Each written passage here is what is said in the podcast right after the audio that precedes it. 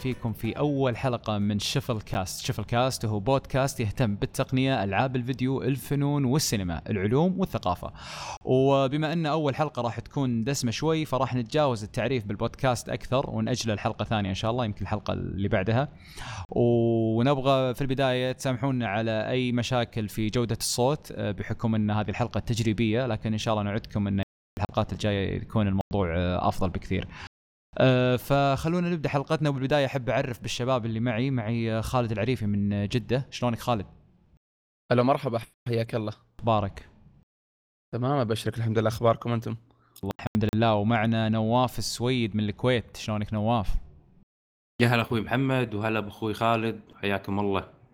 الله يحييك. والمفترض إنه يخشون معنا اثنين من الشباب اللذيذين معنا محمد ملياني من جدة ويزيد المهيدب في أمريكا من قلب الحدث بعد المؤتمر هناك.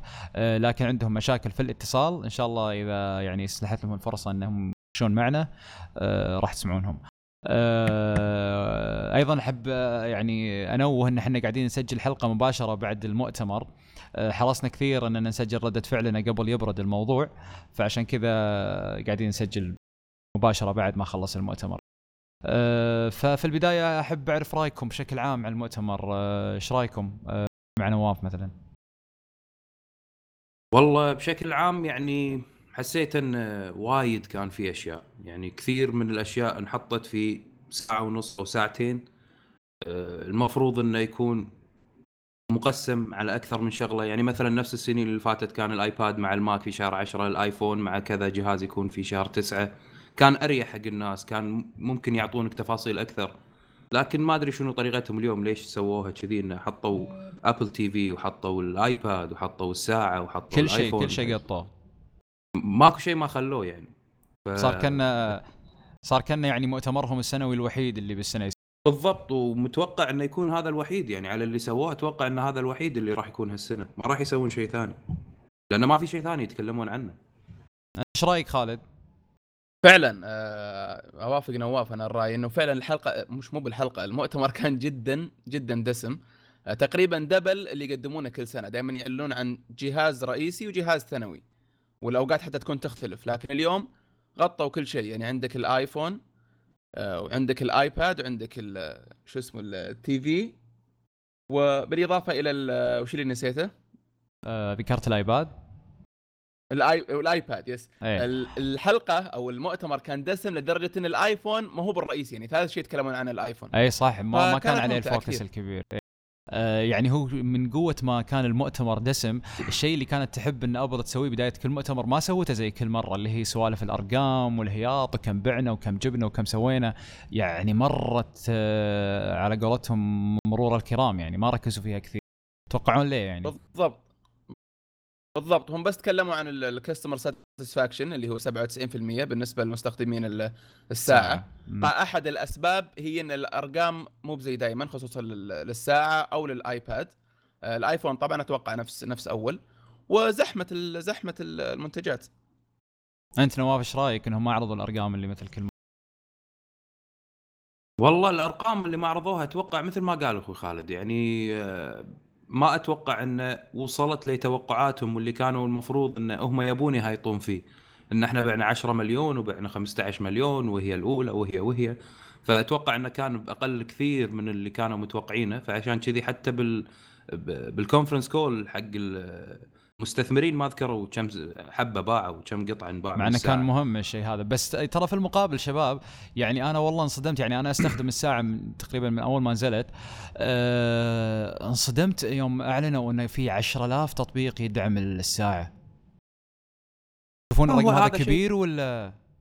لا لا شيء شيء أصلا يعني وايد واضح لأن already هم قاعد يشتغلون على ال Xcode على system واحد. مجرد إنه يسوون upscale و downscale حقه. إي لا بس مجرد إن الفكرة الفكرة إنه كيف إنه المطورين قاعدين يلاقون أفكار من تحت الأرض إنها تتوظف التطبيق حقه يتوظف في في الساعة. لأنه مو أي تطبيق أنت يعني الدعوة ما هي ميرور للساعة. صح, صح هذا صحيح. لكن آه، في رأيي الشخصي إن الكواليتي الخاصة بالتطبيقات اللي موجودة في الساعة في الوقت الحالي اغلبها أغلبها بس إنه إحنا عندنا تطبيق للساعة. يعني في. برامج كثيرة أنا أعرفها ومشهورة تلاقي حاط تطبيق للساعة فقط يعرض لك معلومة أو معلومتين وفي بعضهم بدفع بالضبط بالضبط يعني مثلا في عندنا كبير. في عندنا إحنا مثلا واحد من البنوك عندنا بالكويت منزل تطبيق وإعلان وإحنا سوينا تدخل على التطبيق يحط لك آه، كم رصيدك بالحساب زين شنو استفدت بس. أنا يعني شنو الاستفادة آه. عندي إن أنا تطلع لي بالساعة still أنا أحس إنهم استعجلوا بنظام الساعة أنا ركبت البيتا حق آه، ال watchOS 2 آه، قبل ثلاث أسابيع وكنت أجربه يعني. ف آه، يعني انصدمت انه كان في أشياء كثيرة أنا ما كنت أقدر أسويها بالساعة أول ما شريتها وبعد update صغير قدرت أسوي أشياء واجد. فقاعد أقول آه، شلون لو صار في update 3 و4 و5 قدام؟ يعني أحس انه فعلا أبل استعجلت مرة إنها تطلع النظام. توقع ليه آه، نواف؟ شوف أنا في البداية أول ما يعني تكلموا عن الساعة وأعلنوا عنها توقعت بالمؤتمر إن التطبيقات نفسها تكون مكملة للي يكون بالآيفون. يعني إنه يكون هذا منتج خاص في نفسه مو إنه يشتغل بروحه ولكن أقدر أتفاعل بين الجهازين بين الساعة وبين الآيفون. بس لما نزل انه مجرد إنه يكون ميرور أو إنه يعكس لي شنو اللي موجود بالتليفون ويتفاعل مع التليفون كأنه شيء وايد بدائي مكمل. طب خلونا صريحين مخ- شباب يعني إحنا إحنا كلنا الحين. عندنا الساعة صح؟ بالضبط. يعني خالد عنده ونواف عنده وأنا أمتلك الساعة. بسالكم سؤال صريح وأبغاكم تجاوبون علي الحين لو جيت أنا واخذت أول شيء نبغى نعرف كم كل واحد فيكم كان يستخدم الساعة يعني كم لك أنت تستخدم نواف الحين؟ أنا من أول ما نزلت. كم لك وعندي يعني ثنتين. تقريبا؟ آه. يعني نقول من شهر خمسة. وانت خالد؟ يعني تقريبا أربع شهور. أنا من بعد ما نزلت بشهر. أنا طلبتها أول ما نزلت وكان ال- الوقت شهر. أنا تقريبا مثل نواف.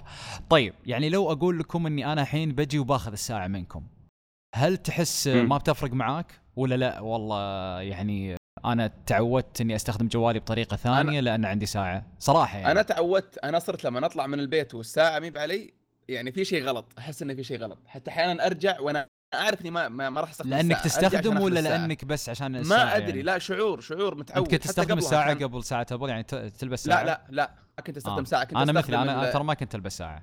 كنت أستخدم ال Nike آه، شو اسمها؟ مو بال Fitbit شو ال Fuel ال Nike Fit. أظن أو شيء زي كذا. بالضبط. فال FuelBand بالضبط. فكنت برضو متعود عليها. كخدمة لا ما أشوفها شيء أساسي مرة يستغنى عنها 100% يعني عادي لو أخذها منك ما ما بتفرق معك. ك... إي كخدمة وكحاجة أكيد لا لكنها نواف. تسهل الحياة. زي الورد أعطيك إياها. أوه. تصريح زي كبير. الورد. ولا أفكر ثانية أصلا إنه لا والساعة اللي بيدي وما أقدر أطلع اليوم ما نهائيا. لأن شوف خليني أقول لك شغلة. في البداية أول ما شريتها كانت لأن منتج جديد. شفت الطفل لما تعطيه شلون لعبة جديدة ويلعب فيها ويستانس؟ مثل الايفون أول بالنسبة- مرة والايباد أول مرة ولا لا لا لا لا لا لا, لا بالعكس مو نفس نهائيا نهائيا تجربتي أنا كشخصيا آه أنا تختلف. نهائيا. لا أنا أقصد على الإحساس إنك تبغى تمتلك الشيء هذا لأنه شيء جديد. لا لا أنا هذا لا مو قصة كذي. الآيفون كنت وايد أبي الآيباد وايد أبي ولكن الساعة كنت أبيها لأنه منتج جديد وأبي أشوف شنو اللي ممكن تغير فيه. قصة لأن آه، كانوا لأن المجال اللي دشوا فيه يختلف تماما عن ال mobile devices والأشياء اللي تمسك وتتح... يعني تستخدمها. يعني المجال اللي دشوا فيه اللي هو ال- ال wear اللي أنت تلبسه شيء يكون عليك شيء أنت تستخدمه بيدخلون التكنولوجيا بالهدوم يبون يدخلون. النظارة والقلم بالضبط و- ال wearable الأشياء اللي تكون attach على جسمك مو شيء أنت تمسكه. فالفكرة كنت أبي أجرب الشيء هذا. جربته الساعة بكل أمانة. مفيدة حق اللي يلعب رياضة ويروح النادي جدا مفيدة. تفيد في وقت الشغل؟ يعني مثلا أنا دوامي ثمان ساعات الإيميلات كثيرة ممكن باليوم يوصلني فوق ال 70 80 إيميل. فلما تفتح التليفون وبطاريه تخلص. وايد وفرت علي البطارية لأن أشوف الإيميل اللي أبيه واللي ما أبيه فوايد حبيتها. ولكن لما مثلا أقعد بالبيت آه، قاعد مع أصحابي في الديوانية لا مستحيل إن أنا الساعة لازم بيدي. ففي أوقات من اليوم كاملة الساعة مو بيدي. يعني أنا تقريبا الحين صار لي يومين ما ألبسها ما أدري وينها أصلا. يعني مو شيء نفس الآيفون اللي ما تقدر تمشي بدونها. لا ممكن وضعي. جدا مختلف. أنا ما أستغني عنها بعدين. حتى في البيت يعني. لو جوالك يشحن مثلا وجاك اتصال وأنت في ال- في الصالة صح مو ضروري لكنها مرة مريحة إنك تعرف من اللي متصل. ممكن أنا و- أنا ولا تروح والله- على الجوال. أنا والله خالد يعني بالعكس أنا هذا الشيء اللي مضايقني يعني أنا هذا الشيء اللي يخليني ما أحرص إني ألبس الساعة في البيت. يا أخي المدى قصير يعني أنا أكلمكم مثلا أنا ساكن بشقة يعني فلما أكون بالصالة وجوالي يشحن بغرفة النوم ما أستفيد فعليا ما قاعد يوصل عرفت؟ مع إنه ما عندي عوازل وما عندي كذا. لكن خلوني أنا أتكلم عن تجربتي إذا فعلا يعني بوجه السؤال حقي لنفسي إذا تأخذ مني ساعه تفرق معاي أو لا أنا أقول لك والله بصراحة يعني شوي تفرق معاي مو كثير. تفرق معاي أكثر شيء لسببين، السبب الأول إني أنا ما أحب المكالمات أصلا يعني أنا ما أحب إني أكلم بشكل عام يعني. أه فكنت أكره سوالف إنه لما بمر واحد أه أقوم يعني أدق عليه وأقول له أطلع ولا بمر واحد أقول له وينك فيه ولا أنا ويني فيه. عرفت السوالف هذه المكالمات اللي أبو 15 ثواني؟ أنا كانت هذه يعني مرة تستفزني. فأحس إن الساعة حلت لي السالفة هذه خصوصا بعد ال update اللي حطيته اللي هو يسوي لك أكثر من group للاتصال السريع عندك. مرة بالنسبة لي فكت فكت أزمة كبيرة يعني مع أن ال speaker سيء جدا يعني يا دوب إني أسمعه إيش بيقول كلمة ورد غطاها لكن بالنسبة لي هذه فرقت كثير. صرت ما أطلع جوالي إذا كان مشبوك بشاحن السيارة أو على الدوك القاعده اللي بالسيارة أو إنه يكون بجي. والسالفة الثانية سالفة إنه آه، لما أكون يعني بعزيمة أو مع شباب أو بمناسبه صرت فعليا ما أطلع جوالي يا شباب. هذه أنا الميزة اللي كنت من زمان أبغاها. ما أبغى أطلع جوالي قدام الناس. يعني كان كان يزعجني المنظر وحلته بالنسبة لي الساعة. والشغلة الأخيرة اللي هو إني أنا دخلت نادي الفترة الأخيرة وفعليا لو ما عندي ساعة أنا أنا من النوع اللي لازم شيء يشجعني في النادي. فأنا النادي ما ماني خاش مع أحد لا يعني ما في أحد من ربعي وياي وشيء. فالساعة فعليا هي صديقتي وقت ال ال ال وقت النادي. يعني هي اللي تحفزني خصوصا سوالف الأتشيفمنت ما الأتشيفمنت وفي منافسة بينك وبين ربعك. فهذا الشيء الوحيد اللي فرق معي باستخدام الساعة. غيره أقول لك خذها وعلى قولة يعني نواف مثل الورد يعني. صحيح. على على على طاري الساعة في عيب فيها مرة كبير ما استوعبته أنا إلا قريب اللي هي قضية إنك تطالع في الساعة لما يجيك إشعار أو notification ومعك شخص. يطلع شكلك مرة توني, توني بقول لك إياها. اللي طالعك آه، عفوا مستعجل تبي تمشي؟ إي بالضبط بالضبط. حتى أنا سالت كم مج... واحد قلت تحس إني مستعجل؟ قال لي أنا أحس إني تأخرت عليك ولا؟ فلازم طولت عليك بالكلام ولا؟ فتقعد تفهم إنه لا والله الساعة والإيميل وهذا. تذكر أول ما طلعوا تليفونات مثلا ال BlackBerry لما كان يوصل لك notification والناس تطالعك إنه ليش تطالع بتليفونك؟ أنا قاعد أكلمك. طالعني وأنا أكلمك. بعد سنة صح. سنتين خلاص الناس تعودت انه لما يسمع صوت التليفون وأنت هو يكلمك وأنت طالع بالتليفون يكمل سالفته ما يوقف لأنه خلاص. فشوف بالنسبة لي الساعة أنا متفق وإحنا كلنا متفقين إن هي منتج وايد حلو قدمت شيء جديد. وقاعد توفر أشياء مميزة في بعض الأماكن. ولكن تحتاج وقت عشان الناس تتقبل الساعة انها تكون شيء أو جزء أساسي من حياتها نفس والشيء الاهم والشيء الأهم إنه مو بشرط إن كل الناس تأخذها يعني مو بشرط إن كل الناس تحتاج الساعة. بالضبط بالضبط. أي. بس إن الهدف المفروض إن هذا الشيء يكون كل الناس تستخدمه نفس التليفون. على. أساس افتراضية إنه كل الناس تلبس ساعة بس مو كل الناس صارت تلبس ساعة عرفت يعني أنا لما صرت البس ترى كان شيء جديد علي يعني كان يضايقني إني أنا ألبس شيء أنا ما ألبس شيء نهائيا على يدي عرفت أنا ساعات ألبسها مناسبات يعني. بس حتى أنا مثل أنا المناسبات. بس بس الحين لا قمت أستخدمها ان ألبس ساعة وأروح الدوام وأقعد وأسوي كذي. بس إن الفكرة إن اللي اليوم نفس اللي عرضوه اليوم إن مثلا المراه الحامل شلون تقدر تتواصل مع الدكتور مع الاطباء هذا أنا ودي أجيها الحين ما ودنا نخش عرض اللي هو تطبيق قول نواف. أنا ما أتكلم كتطبيق بحد ذاته ولكن أتكلم عن التكنولوجيا نفسها انه صار استغلاليه حق الساعة إن التطبيقات تكون موصولة في الساعة على طول مو مشبوكة بالآيفون وتوصل على الساعة. فهذا اللي كان ناقص الساعة إنه يكون في عندها شيء خاص فيها. تحس ان هذا اللي, اللي راح ينزل. بالضبط هذا الاصدار الثاني راح تكون موجودة. هذه ميزته والميزه الثانية اللي هي السرعه فبتغير ال experience كلها بالنسبة للساعة. أنا بالنسبة أيوة لي الشيء الوحيد يعني اللي أبغى أكسر فيه الساعة سالفة إن ال loading طويل جدا لما أجي بفتح تطبيق. يعني أنا بالنهاية بستخدم الساعة أبغى أبغى الشيء أسويه بسرعة. صار إن الجوال لأن أنت اوريدي لأن أنت already البرنامج نفسه قاعد يقرأ من التليفون مو شيء مستقل بذاته. فعشان كذي يطول على ما ياخذ اللي موجود بالتليفون. هذه مشكلة يحط لك إياه على الساعة ياخذ وقت. طيب أنت اذا أنت تبيها تصير أسرع لازم تكون شابك على ال wireless عشان تكون طيب أسرع طيب أنتم إيش رأيكم بالمميزات الجديدة اللي ضافوها بالتحديث اللي هو مثلا إنك تتحكم بال GoPro حقتك ال Messenger حق الفيسبوك إنه أخذ نفس مميزات ال iMessage وتطبيق ال AirStrip الجديد. إيه كلها أنا الحين أقول لك الناس راح تشتريها. الناس الحين راح تفكر تشتريها. الناس اللي تحب ال GoPro ما راح يمسك تليفونه ويصور بال GoPro خلاص الساعة بيدي وال GoPro بيدي انتهى الموضوع. ما طلع تليفوني. إذا جميل. أبي أستخدم مثلا أروح حق الدكتور من الساعة هو قاعد يقيس نبضات قلبي وتروح له وترد له على طول. فالاستغلالية لما انحطت الحين بالساعة بعد الاو اس 2 راح تبدي الناس تتكلم كل في مجال. الرياضي راح يقول حق الرياضيين ترى الساعة هذه مميزة. الأطباء راح يقولون حق الرياضيين كذي. فراح تلقاها منتشرة أكثر باختصاصات مختلفة. حلو طيب بعدين آه، طبعا انتقلوا إنهم بدأوا يستعرضون السيور أو الح- الأحزمة الجديدة للساعة استعرضوا سيور جلد وسيور آه، sport جديدة أحمر برتقالي وهالسوالف لل sport. الأحمر شاريه. آه، خلاص أنا دخل السلة أصلا. آه، و... order أنا خلاص. وبعدين استعرضوا بعدها على طول اللي هو آه، نوع جديد من الذهب اللي هو ال rose gold. ما أدري هو كان موجود من أول ولا أول مرة يعرضونه؟ أنا أول مرة أشوفه. اللون؟ هو إي ال rose gold ك... للساعة مو مو مو لل iPhone. لا لا موجود على ال- ال- ال iWatch edition اللي ب موجود. 15000 آه، بس مو بنفس مو بنفس اللون اللي اللي في ال iPhone الجديد ولا؟ لا لا لا لا نفس اللون ولكن هذ- هذيك ذهب ولكن هذا اللون مطلي هذاك ذهب. آه طيب وبعدين آه انتقلوا إلى آه طلعت تيم كوك وبدأ يتكلم عن ال iPad.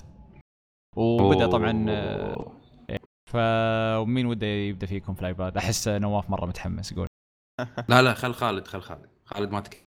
والله صحيح. ال iPad آه، طبعا أول شيء قبل ما ن- يعني نتعمق في المؤتمر أنا متفاجئ قد إيش ال- ال- اللي صار في المؤتمر مطابق تماما للإشاعات اللي طلعت.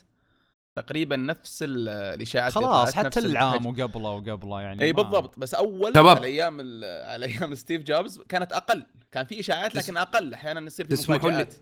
تسمحوا لي بس أقول لكم شغلة هذه يمكن معلومة وايد ناس ما ما تعرفها عن شركة أبل.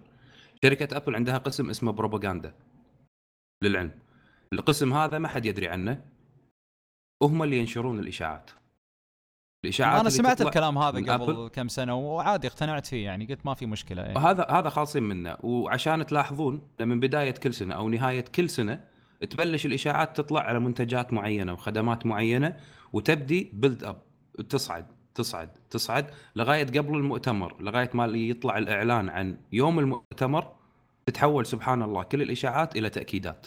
بس يا أخي أنا ما أدري يعني أنا بالنسبة لي أنا الكلام حتى هذا قلته بسناب شات قبل قلت يعني الناس الحين اللي قاعدة تنطر المؤتمر أروح أشوف الإشاعات والتسريبات ليه؟ لا دامي أنا عرفت إن هذه كلها بتصدق. يا أخي خلني أقولها بالطريقة الحلوة في المؤتمر أو خلني أقصد معلش أسمعها بالطريقة الحلوة في المؤتمر ولا إني أسمعها من سالفة إنه هذا سرب وهذا تقرير طلع وهذا مش عارف إيش عرفت؟ أنا هذا أنا أنت أنا أقول لك ليش تصير. آه، لا لا أنا أقول لك ليش آسف أخوي خالد قاطعتك. أنا. أقول لك ليش.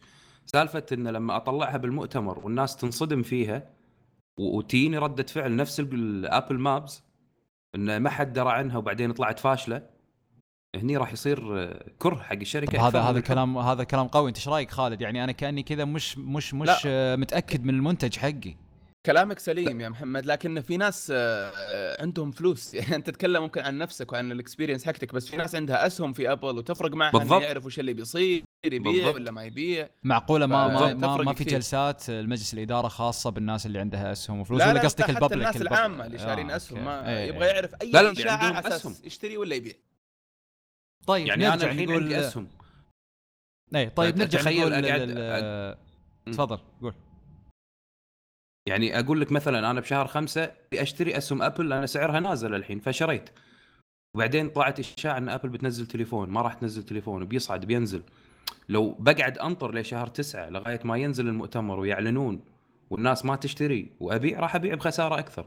فلوس كل ما خشيت بشيء خربته بالضبط. والحين أنت عندك المشاكل إن غير ال investment والناس هذه أقدر أنا أقيس الناس شنو اللي هي تبيه يعني المنتج هذا هل الخدمة هذه اللي راح أقدمها راح تجيب شيء عند الناس؟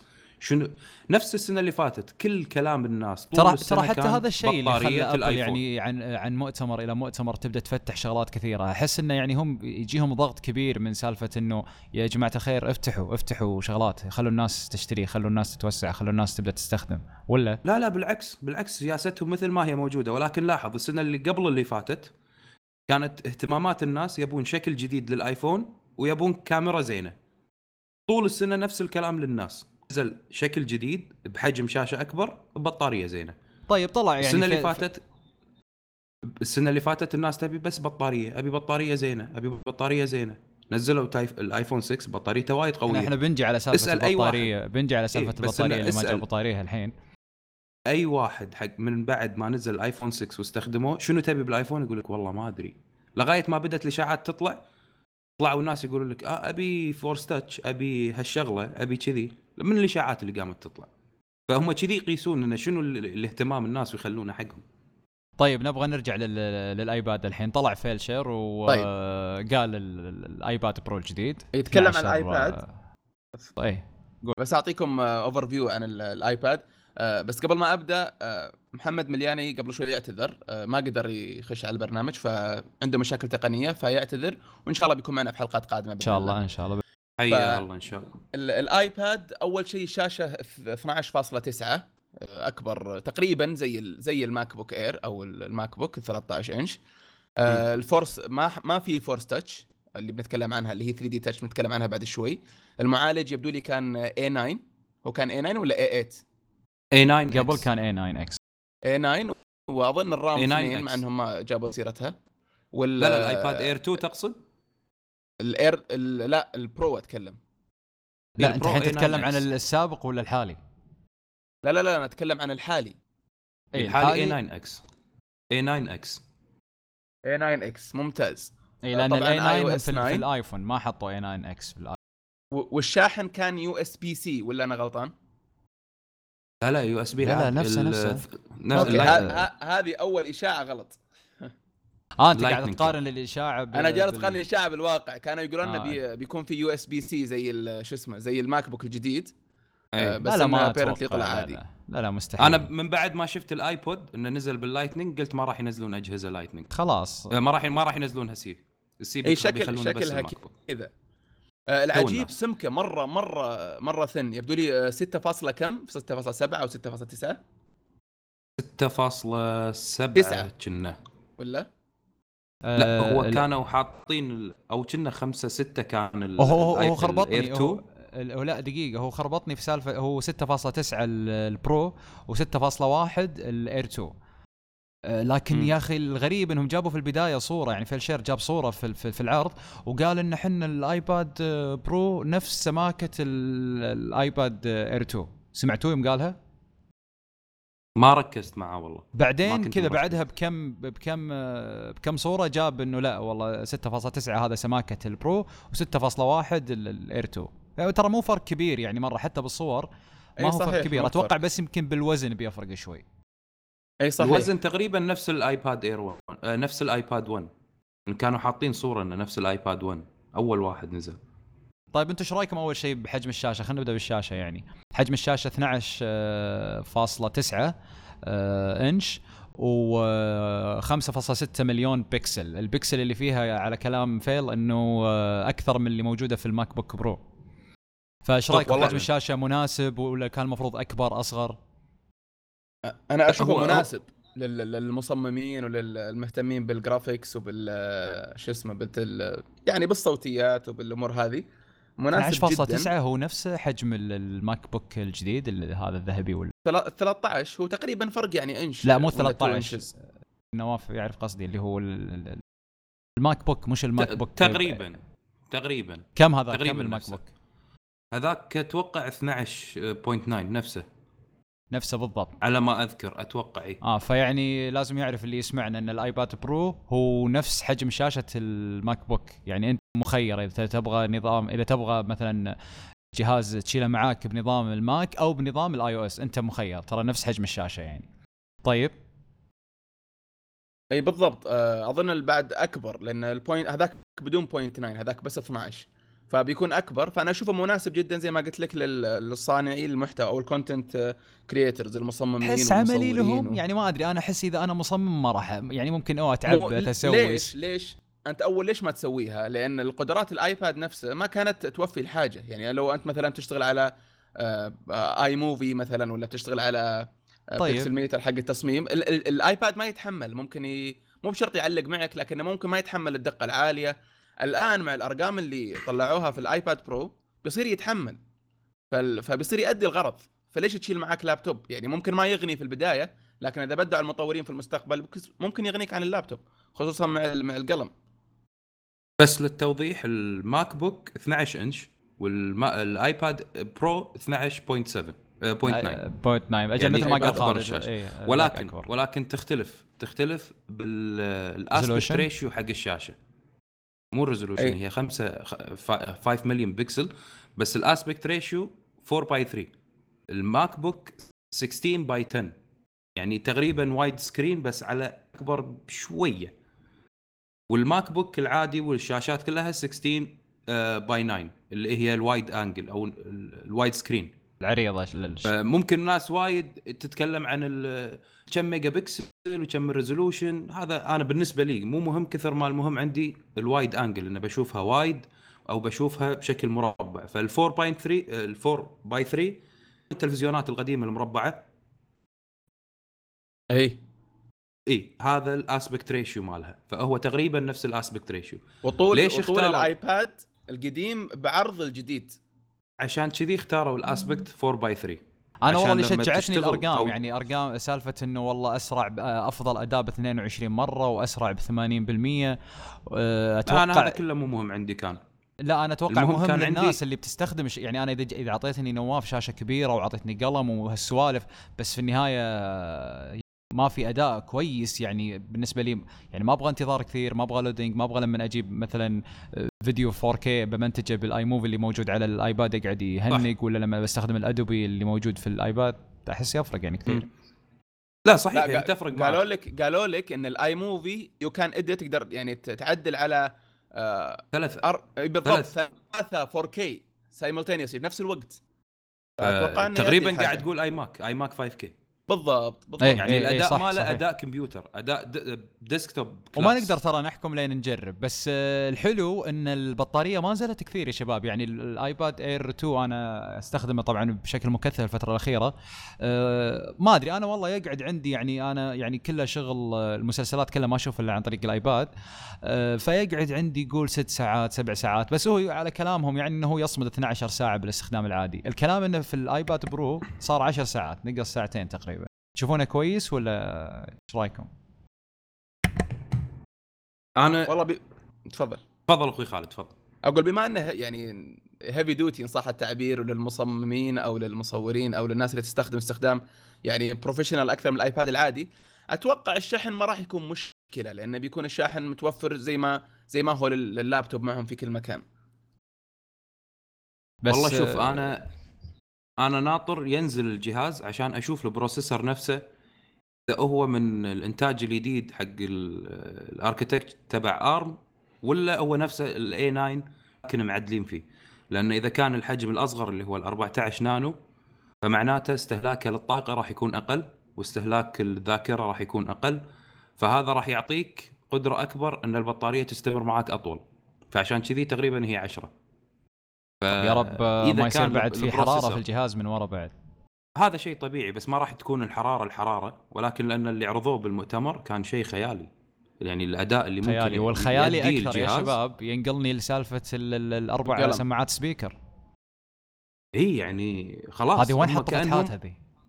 كأنهم قاعدين يقولون لك اللابتوب بعد سنتين ثلاث سنوات خمس سنوات bye bye ال category هذا راح نلغيه ما راح يكون موجود وراح تشوف الشركات الباجي كلها الحين لو تلاحظ تابلت يصير لابتوب تابلت يصير لابتوب.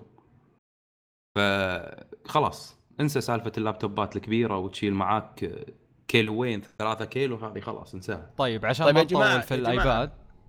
بس قبل لأنه لازم نتطرق لموضوع القلم بس قبل ما نتكلم عن القلم هل ما ما تشوفون إن فكرة الآيباد الجديد هذا آه، موجودة في السوق already بالأجهزة الموجودة زي ال Surface أو زي ال هل بس في بالنهاية يقدر ما عندهم- بالطريقة المناسبة؟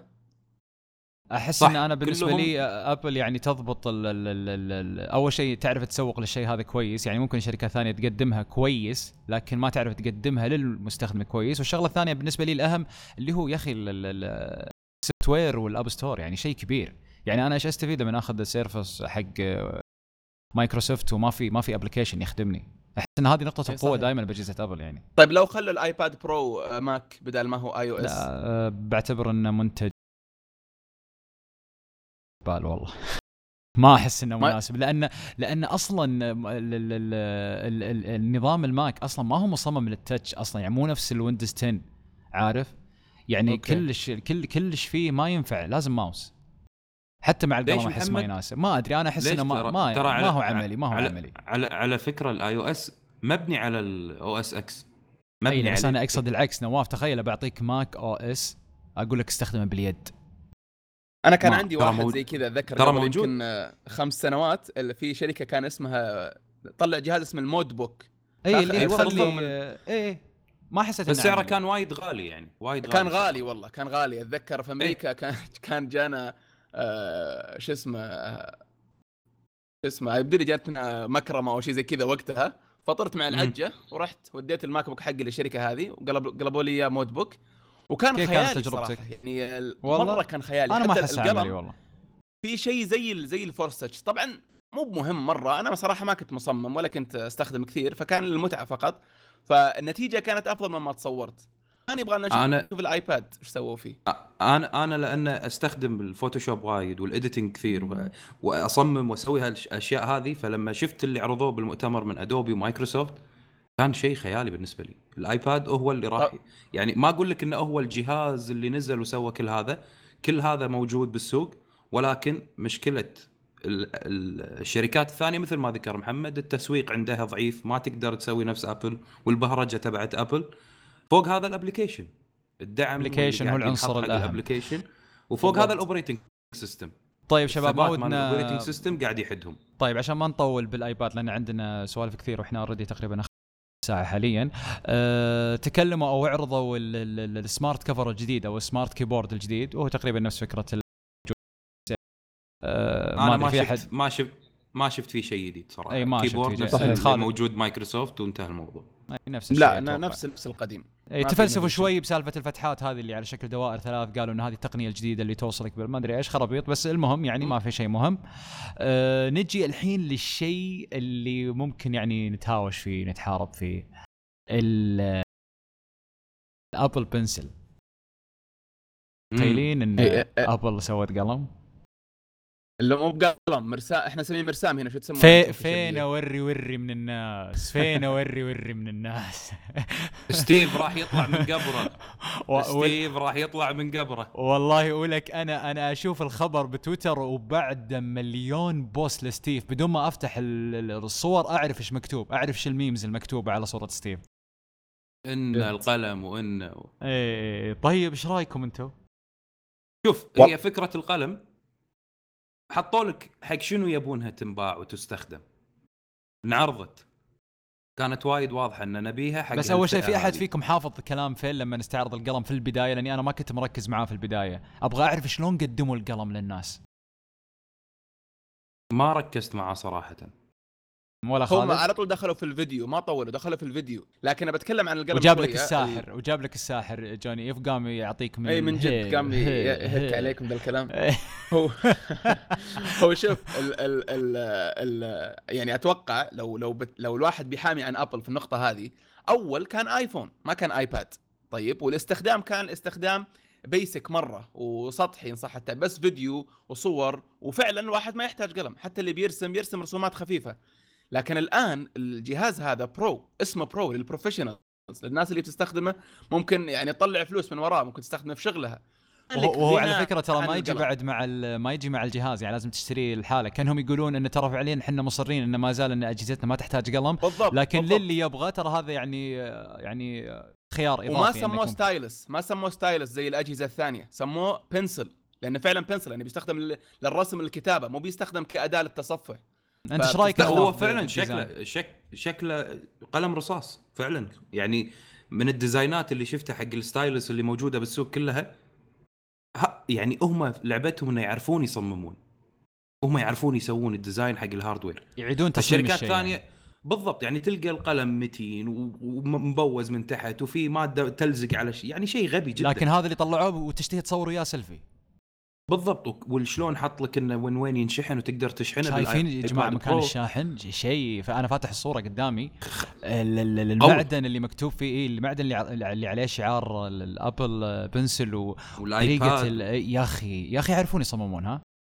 بالضبط. بس إن أنا قاعد أقول لك يعني مثلا الجهاز هذا مع القلم ترى موجه لمنافسة شركة Wacom. أي صح. ال- الرسم وال designات مو موجه مثلا حق أنا إن أنا تدري إيش أتوقع؟ حتى. بالسالفة هذه. أتوقع إن Apple ممكن يعني مع ال update الجاي أو اللي بعده تنزل application بالضبط Wacom عرفت؟ بالضبط يقول لك نزل ال application. هذا على ال- على ال Mac وعلى على- ال iPad أيوة بالضبط. واشبك حبيبي ويلا اشتغل وتكسر السوق هذا. وراح أحد شوي فيكم يا شباب؟ أنا, أنا عندنا واحد في. المكتب بعد. إحنا عندنا واحد لأن المكتب عندي لما لما ترسم كيف الضغط عليه؟ هل في زي ال touch ولا ما يفرق؟ لا لا الف- ال Wacom شيء مستحيل. خيالي خيالي. وفي أنواع حق ال pens اللي تركبها تحت تبي بس معقد نواف. ولا؟ يعني أنا بصراحة ما قدرت في المكتب أتعود عليه بسرعة. احتجت وقت يعني. هو هو لأنه يعتمد. في عندك نفس الشاشة وفي عندك ال Wacom اللي ينحط وأنت ترسم وتشوف الشاشة.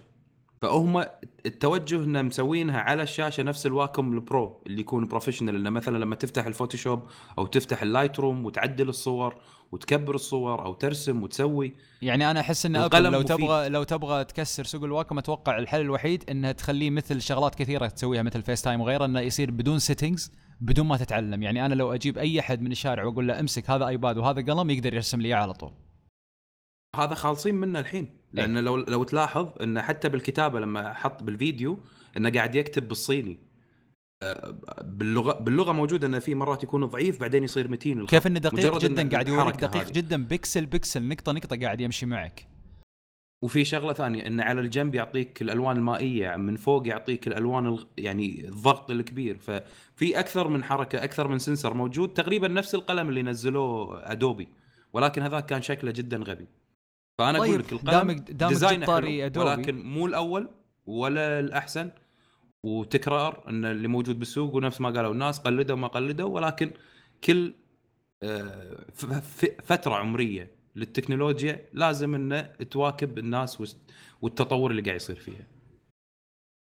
طيب بما انك انت جبت طاري Adobe أه تذكرون ان إحنا اول ما طلع الإعلان حق المؤتمر تذكر خالد اول ما طلع الإعلان أه انصدمنا من كلمة انه تقدر تشوف المؤتمر على Windows؟ إلا صحيح صحيح. أول كان ما قلنا إيه وش السالفة ومش عارف إيش ومن هالكلام وطبعا أكيد إنه ما تسويها Apple عبث يعني مش كذا طقت براسها يلا المؤتمر هذا نخليه نعرضه لهم. فاللي صار طبعا هم جاوبونا على طول صار في شراكة أو تعاون بسيط آه، يحسب لأبل وبنفس الوقت ما يحسب لأبل اللي هو ال- ال- ال- ال- ال Office لما آه، استخدموه مع القلم والآيباد برو قام يستعرض لك وطلع واحد من موظفين مايكروسوفت وقام يستعرض لك. طبعا استعرضوا آه، من Office واستعرضوا من مايكروسوفت Office واستعرضوا من ادوبي يعني اثنين طل- طلعوا واستخدموا ليش تقول ما برامجهم. يحسب يا محمد؟ أنا بقول لك ليه. ابل طول عمره يا أخي يعني تايط بال بال work يا أخي وإن إحنا أسهل. قوم الحين. يعني تدري أنت ما جابوا طاري ال iWork نهائيا. على طول قال لك تعال شوف كيف أفضل استخدام للقلم وقسمة الشاشة ال multitask ومش عارف إيش. وهالسوالف مايكروسوفت Office من جدك جدك أنا انصدمت. هذه- وفي مقولة يقول لك if you can't على قولتهم if you can't beat them join them. ف ما تشوف إنه من الحكمة يعني إنهم يعترفون انه وصلنا مرحلة؟ والله لا أنا ما أتوقع ترى كذا أنا ما أتوقع كذا. أنا أتوقع إنهم كانوا يبون يستعرضون وشوف نواف إذا يوافقني لا أو لا. أنا أتوقع إنهم كانوا يبون يستعرضون ال application والتطبيقات على ال iWork بس أحس إنهم لعبوا في نقطة معينة. قالوا إحنا الحين عندنا iPad Pro هذا منتج جديد. ونبي نستعرض القلم هذا شيء جديد. فلو جبنا لهم إن نبغى نسوق iWork وقلم و iPad Pro أحس إن المسألة بتصير صعبة عليهم. فنجيب شيء على طول وهم أصلا مقتنعين منه إنه هو أفضل شيء ويعني هم مؤمنين بداخلهم إن ال Office أفضل تقريبا. فإحنا نبي نركز على استعمال القلم واستعمال ال iPad Pro أصلا كيف إنه احترافي مع أكثر من تطبيق. فجيب لهم application أصلا الناس مقتنعة فيه. ولا إيش رأيكم؟ ويبغون يكسبون مايكروسوفت برضو على أساس تطور لهم شيء نظيف لأن أول مايكروسوفت خصوصا على الماك يعني يطلعون أشياء يعني الله يوريك. أنا أنا أبي أشوف إيه. كسبوهم الآن في المؤتمر بيطلع تطبيقات كويسة. أنت نواف إيش رأيك؟ أنا مع احترامي لكم ولكن أختلف تماما معاكم لأن توجه أبل كان جدا واضح في خروج مايكروسوفت في المؤتمر. جدا كان واضح إن هم يبون يلعبون على فئة سوق الشركات والمؤسسات. الشركات والمؤسسات كلها تتعامل مع ال Office ما حد فيهم يعرف شيء اسمه Keynote و Pages وهالسوالف. لو عرضوا ال Keynote أو عرضوا ال- ال Apple product حق البرامج ال Office ما كان راح يكون فيه اهتمام حق الناس اللي تبي تاخذ ال iPad للشغل.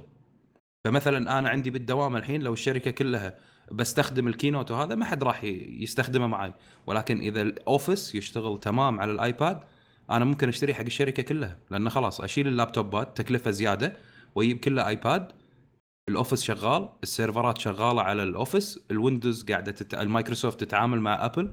فأنا قاعد أدش السوق أو الماركت حتى توجههم هذا واضح جدا إنه قاعدين يدخلون على المؤسسات والشركات. فأول ما جميل. أوصل لهالمرحلة وآخذ من السوق بعدين اعرض لهم ال Keynote وهالسوالف هذه. حلو طيب فاللي- واستعرضوا بعدين تطبيقات الأدوبي واستعرضوا بعدها سو- سوالف آه، إنه كيف ال graphics الثلاثي الابعاد كويس وممتاز وتطبيقات للصحه هني والتعليم. هني لم لما جابوا أدوبي هني استعرضوا بقوتهم بالقلم والشاشة شفتوا شيء مميز مع أن مع أن؟ أدوبي ترى أدوبي الناس اللي ما تركز عليه إن لها قصة زي زي مايكروسوفت تقريبا قصة الفلاش إيه، تقريبا. أي فيعني تعتبر برضو عصفورين بحجر من ناحية أدوبي قصة إيش؟ صح قصة الفلاش لو تتذكر أبل كانت ضد آه، الفلاش. إي، yes، yes، إي، yes. Flash أدوبي. كانت تبغى تحط الفلاش في كل مكان بس شوف كيف فتحوا لهم أبل. باب كبير يعني ترى أبل- ال application حقت أدوبي اللي قاعد يستخدمونها الناس على ال iOS ترى يعني فتحت لهم باب يعني ما ننكر الشيء ذا ولا؟ إلا إلا صحيح صحيح أكيد. طيب يعني حتى هم قاعدين يغيرون البرامج. اي اي اي أص- أصلا صارت يعني صار ينزلون ال application آه، يعني زي ما تقول يعني أنا الحين أستخدم application آه، ادوبي على ال iPad يخليني أوصل شغلات كثيرة أو اختصارات كثيرة في ال Photoshop أو ال- ال Lightroom والسوالف هذه. فواضح إنهم صاروا مبسوطين الحين بعد سوالف الفلاش. إي طيب. أكيد. وبيني وبيني وبينك ابل يعني قدمت معروف للمستخدمين يعني في العالم كله بقضية الفلاش. يعني من جد حمتهم من نفسهم. لو استمرنا في الفلاش إلى اليوم صعب. لا على البطارية ولا على ال- ال performance ولا على. حتى التطوير. فيعني it's win win situation الآن. طيب بعدين استعرضوا الأسعار. آه، أسعار ال iPad Pro. قلنا في في 32 جيجا ب 799 هذا نسخة الواي فاي وفي عندنا 128 جيجا ب 949 دولار آه، واي فاي وعندنا 128 جيجا ب 1079 دولار. هذا الواي فاي آه، ومع شريحة البيان. إيش رأيكم بالأسعار؟ والله أنا بالنسبة لي يعني عالي. سعره يعني مو مبالغ فيه. ولكن يعني توقعت إنه يكون- مقابل الخدمات يعني والمميزات والمواصفات هل تشوفها عالي أو لا؟ لأن جهاز يعني مثلا لو بهالسعر ويعطي ويعطوني إياه مع القلم وال keyboard أقول لك okay ممكن. لا ما أعطوك لو لا قلم ولا keyboard. لو بتحسبها بتاخذ ال keyboard والقلم مع الجهاز مثلا ال 128 مع ال Wi-Fi وال cellular راح يطلع تقريبا ب 1370 دولار.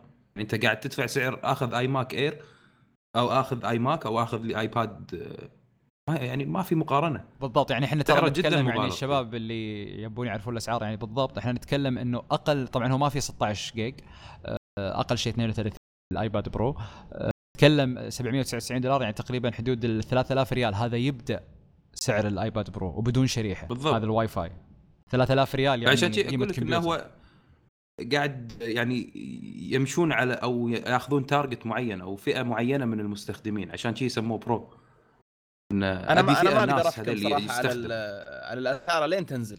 يعني ما ما تقدر تحكم الآن وتشوف وأنت ما تدري الجهاز كيف في لا, لا بس خالد. اي بس خالد خالد يعني أنا أنا عندي خيارين الحين أنا طبعا إذا أنا أنت يعني كلامكم السابق كان تقولون إن الآيباد برو مو هو موجه لعامة المستخدمين موجه للناس ال professional اللي بتحلل المواصفات الجديدة بالضبط. والخواص اللي ممكن الجديدة يطلع صح؟ أيوه. قيمته بأسبوعين فما راح ياخذ أيوة، 32 ما راح ياخذ 32 واي فاي ولا بياخذ 128 واي فاي إحنا نتكلم الغالب المفترض إنه بياخذ شيء عملي فيه شريحة و128 جيجا يعني عشان ياخذ راحته بال- بالرسومات أو ياخذ راحته بشغله أصلا. فإحنا نتكلم عن 4000 ريال أو 1079 دولار. هذا تقدر أنت تحط جنبك أو قدامك أكثر من اوبشن مواصفات أكبر ما- كابتوبات ماك هل بوك أنا برو أضحي؟ 13 إنش. إيه هذا أنت قلتها فهل أنا ما آخذ الماك بوك برو 13 إنش ريتنا ديسبلاي ولا هذا سعره ولا؟ لو لو لو أنت رسام يا محمد وشو بتاخذ؟ أنا أنا ما بالضبط. المشكلة اني أنا مش رسام فما أقدر أقول هل فعلا أضحي بماك أو أضحي بلابتوب أنا- في مقابل لا كلها. تعتمد على الحاجة لا- انت لا انت لا تناظر. السعر وتناظر المميزات شوف لا لأن. الايباد برو مهما كان يا أخي ما بيغنيني عن اللاب مستحيل إنه بيغنيني عن اللابتوب إلا إذا أنا مرة ذكي يعني إذا أنا مره مرة. ذكي بالتعامل ولا لا ما فهمتني أقصد إنه خليني بضرب إنه- لك مثال بضرب لك مثال مهندس معماري مثلا طيب أو مهندس مدني أو يش- يشيل معه لابتوبه في كل مكان يخش على الأوتوكاد ولا على يخش على الرسومات حقت ال- المكان اللي هو فيه. ممتاز؟ ما تشوف إن ال- السعر هذا هو طبعا يعتبر pro يعتبر professional ما تشوف السعر هذا يعتبر آه، ولا شيء للشغل اللي هو بيوفره وللراحة اللي بتجي لو اشتا... لو شال معاه ايباد بدل ما يشيل ممكن بس أجل معناته ما راح يستغني. أنا بالنسبة لي أرجع وأقول لك اللي بياخذ الايباد برو ما زلت أقول نفس العام الماضي يوم قلت اللي بياخذ الايباد اير 2 آه أوكي صح ممكن يستغني عن اللابتوب بس لازم يصير عنده جهاز كمبيوتر في البيت. إي بس محمد الفكرة إن الآيبادات اللي نزلت كلها كانت فكرة انه نبي نلغي اللاب اللابتوب ويست... وتستخدم الآيباد ولكن ما كان بقوة إنه ممكن إن أنا أسوي فيه كل هالقدرة واللي هذا. والله لما للعامة أنا نزل- أشوفه نجح. والله للعامة نجح. أنا أتكلم بالضبط، تجربه شخصية للعامة. انقطعت عن اللابتوب بالضبط. فترة طويلة. بالضبط. آه، ولكن الشغل. على مثل ما قلت أخوي خالد يعتمد على الاستخدام. يعني نفس ما قلت مهندس أوتوكاد رسام آه، مصور. مستحيل أنا أقول لك راح أشتغل. أنا مثلا كمص أصور وأعدل الصور والحين تجيب لي ايباد برو أو تقول لي اقعد على الكمبيوتر واستخدم بقول لك لا آخذ الآيباد. ليش؟ لأن already أنا قاعد أستخدم الواكم. عموما أنا متبني. فكره أنا متبني فكرة إني ممكن أستغني عن اللابتوب. أنا وقد خشينا أنا ونواف بحوار قبل نبدأ نسجل إنه أنا تكلمت عن نفسي إنه أنا عندي اي ماك في البيت وما أستخدم لابتوبات. يعني طول حياتي ما كنت أشتري لابتوب. كان اعتمادي دائما برا على الآيباد. لكن كنت أتبنى وجهة نظر الناس الثانيين اللي يقول لك لا ما نستغني. لكن نقدر نرجع نقول بالقلم والكيبورد والمواصفات الجديدة أتوقع إنك بتقدر تستغني لو عرفت إنك تتعامل بشكل بيع للآيباد برو راح يكون متاح بعد شهرين في نوفمبر 2016 فنبغى ننتقل. الحين بشكل سريع عشان ما نطول كثير. الأبل تي في. أخيرا أخيرا. ما بغوا. يلا أنا قول يا اللي ما بغوا. والله أنا أنا صراحة آه، مبسوط جدا بال- بالتحديث. وفي نفس في نفس الوقت مقهور. يعني طب خصوصا قبل على قبل تبدون قبل تبدون أنا في في جملة لازم أقولها. واجهة النظام في الأبل تي في الجديد. رهيبة. جميلة. جميلة نظيفة. شيء. وينهم؟ وينهم من أول يا أخي؟ وينهم؟ فعلا نار. فعلا. بس أنا بسأل آه، هل في أحد عندكم عنده جهاز آه، آه، أندرويد تي في ولا عنده أي شيء على ال- التي في؟ أنا لا. غير أنا لا؟ أنا أنا عندي الكروم كروم كاست. وعندي آه، الأندرويد وعندي الأندرويد ال- ال smart جربته وعندي بعد الأندرويد الكروم كروم operating system جربته. ف أوكي. لا ما ما في مقارنة. ما في مقارنة وك- ها؟ نهائيا. وتيفو شفته وكان في عندي كم media player بال interface الغبي اللي مال اللي موجود عندهم. لا لا لا. روك ال interface ع- طيب عشان اخليكم. عشان أخليكم. تاخذون راحتكم في, في, في الكلام على الأبل تي في الجديد آه، أول شيء لازم نستعرض بشكل سريع آه، تيم كوك إيش قال عن سوق- يعني قال انه هو هذا هو العصر الذهبي والتلفزيون وإن إحنا لازم نعيد المفهوم وبعدين جاب نقاط قال إحنا اشتغلنا على النقاط هذه وهي النقاط اللي بنقعد نشتغل عليها قدام في تطوير الأبل تي في أو أصلا في في دخولنا لسوق التلفزيون فقال ذكر powerful hardware وذكر ال modern OS وذكر آه، تطوير التطبيقات أو الأدوات من المطورين وذكر ال App Store آه، وال experience ال user وال experience وال- وال new user experience بعد فانتم إيش رأيكم هل تعتقدون. فعلا توافقون أنتم بالنقاط هذه إن هي نقاط القوة اللي لو دخلت في سوق التلفزيون راح تكسر الدنيا أنا ولا لا؟ أنا أنا أوافق. أنا أوافق 100% لكن ليش الحين ليش مو ب 2000 وأنا من 2009 جالس أتكلم أقول لو ابل بس حطت App Store في ال- لو رفعت يعني سويت upgrade للابل تي في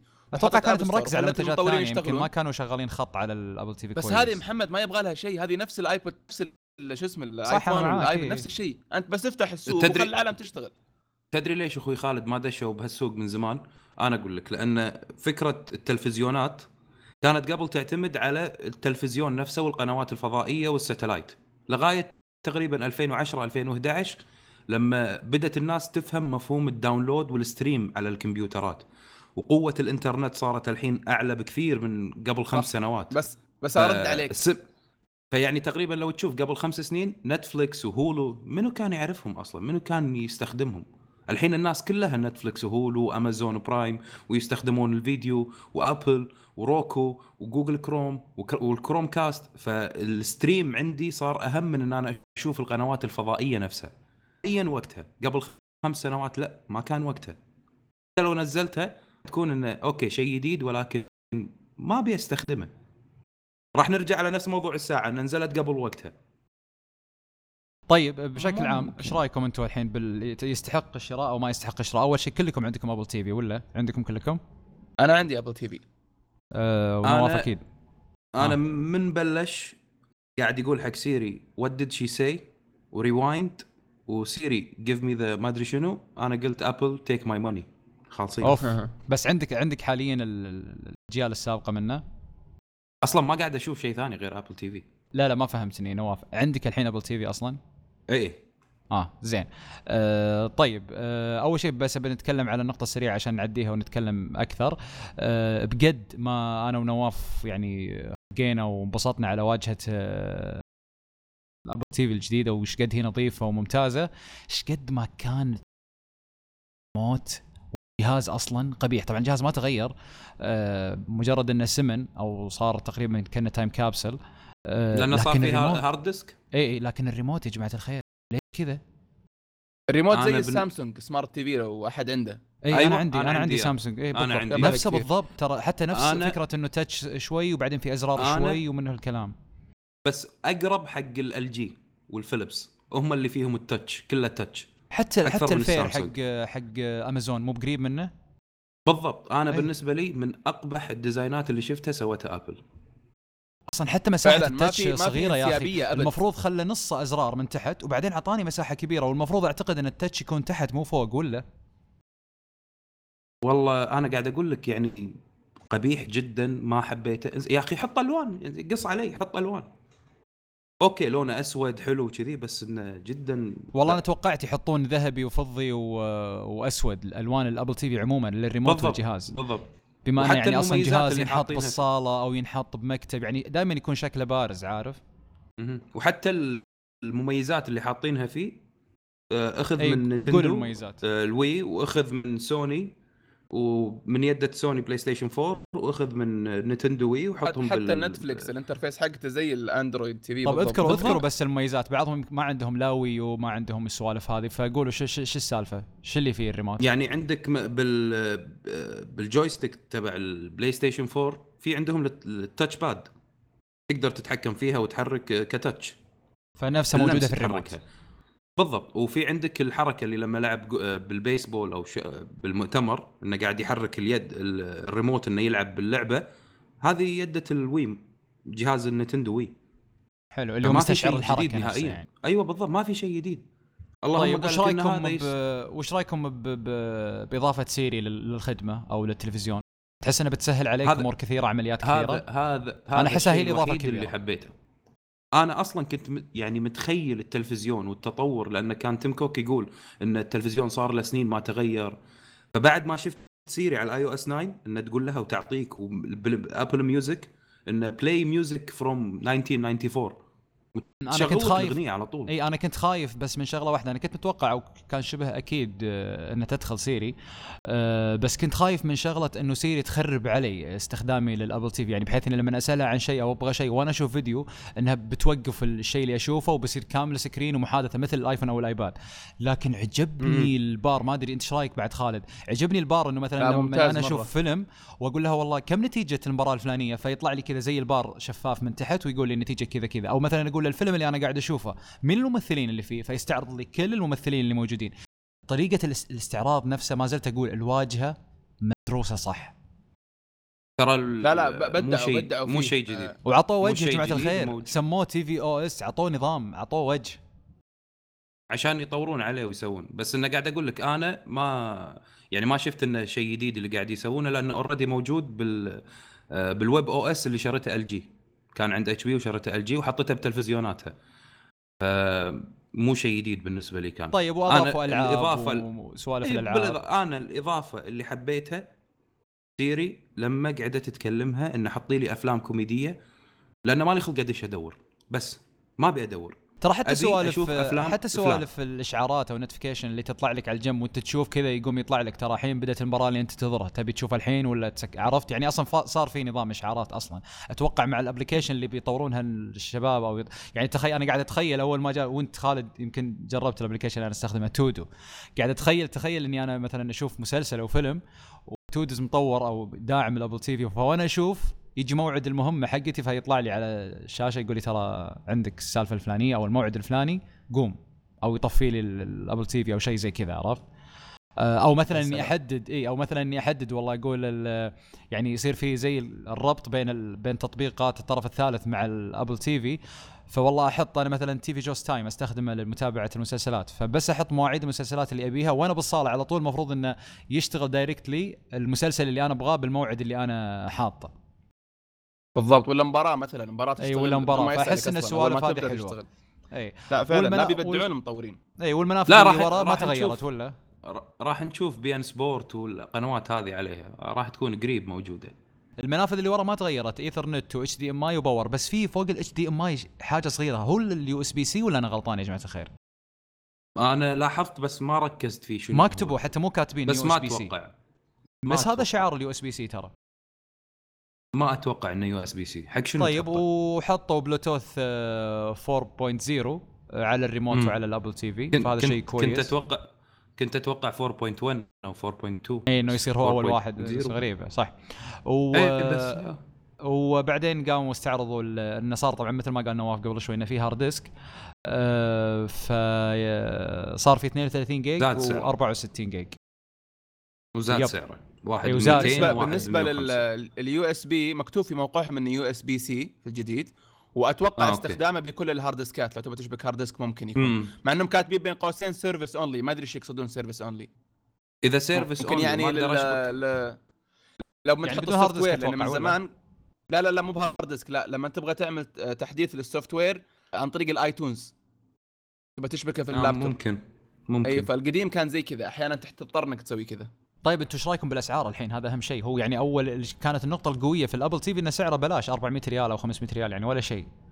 امم لأنه رأيكم كان؟ already أنا- streaming إي أنتم إيش رأيكم الحين؟ طيب بالأسعار هل تسوى مع والله مع السوق, مع؟ السوق الحالي أشوفها معقولة. يعني Nvidia Shield عندهم جهاز ب 200 دولار وبالنسبة للأجهزة الثانية كلها ما فيها hard disk اللي هي الرخيصة مرة زي ال- ال Roku زي ال Chromecast والأشياء هذه ما فيها ما فيها شيء يعني فقط streaming ف it make sense إنها رخيصة. فأنا أشوف إن سعر ال Apple TV معقول.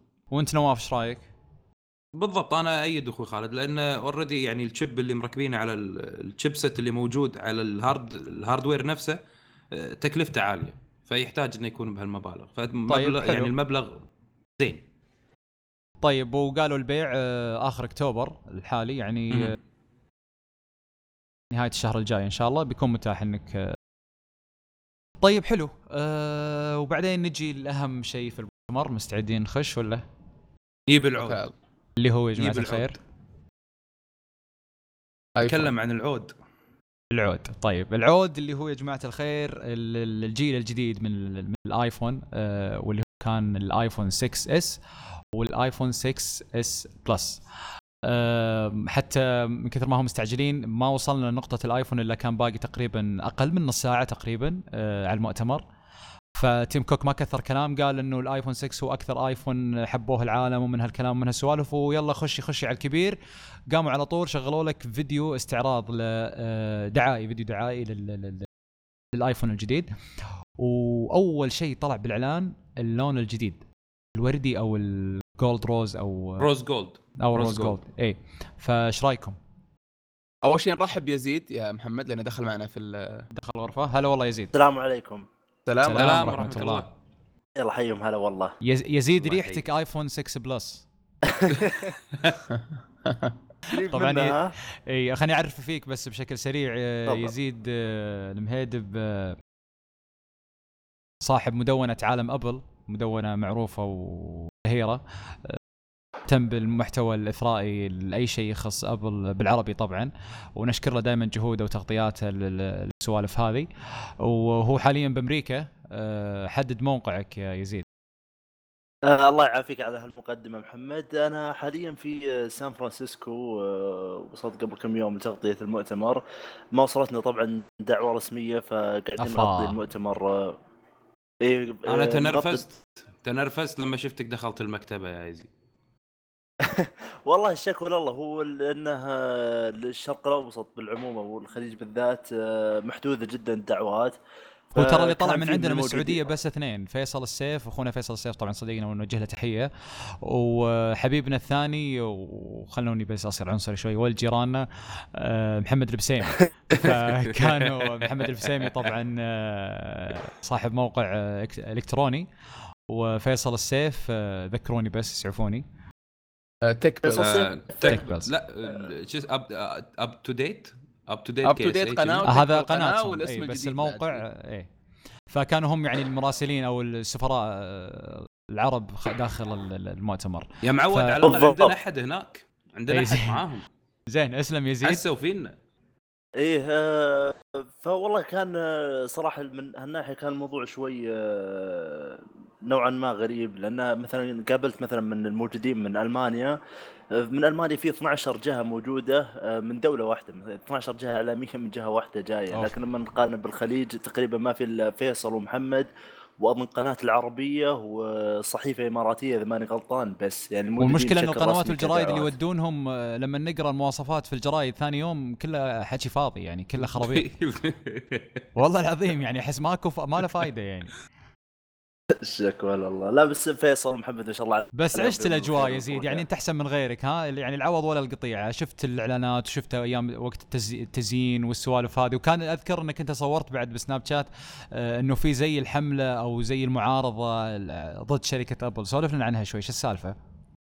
أه والله اليوم يوم أه وصلت الصبح اليوم أه وصلت حدود الساعة خمس. شفت إنها طبعا كانوا مغطين المنطقة اللي أه قدام المبنى. كانوا مسورينها ما على أساس إنه ما يدخل أحد تذكر بس المنطقة أو المدينة اللي آه، اللي هي طبعا هو في سان فرانسيسكو. ال- المبنى اسمه Bill Graham Civic.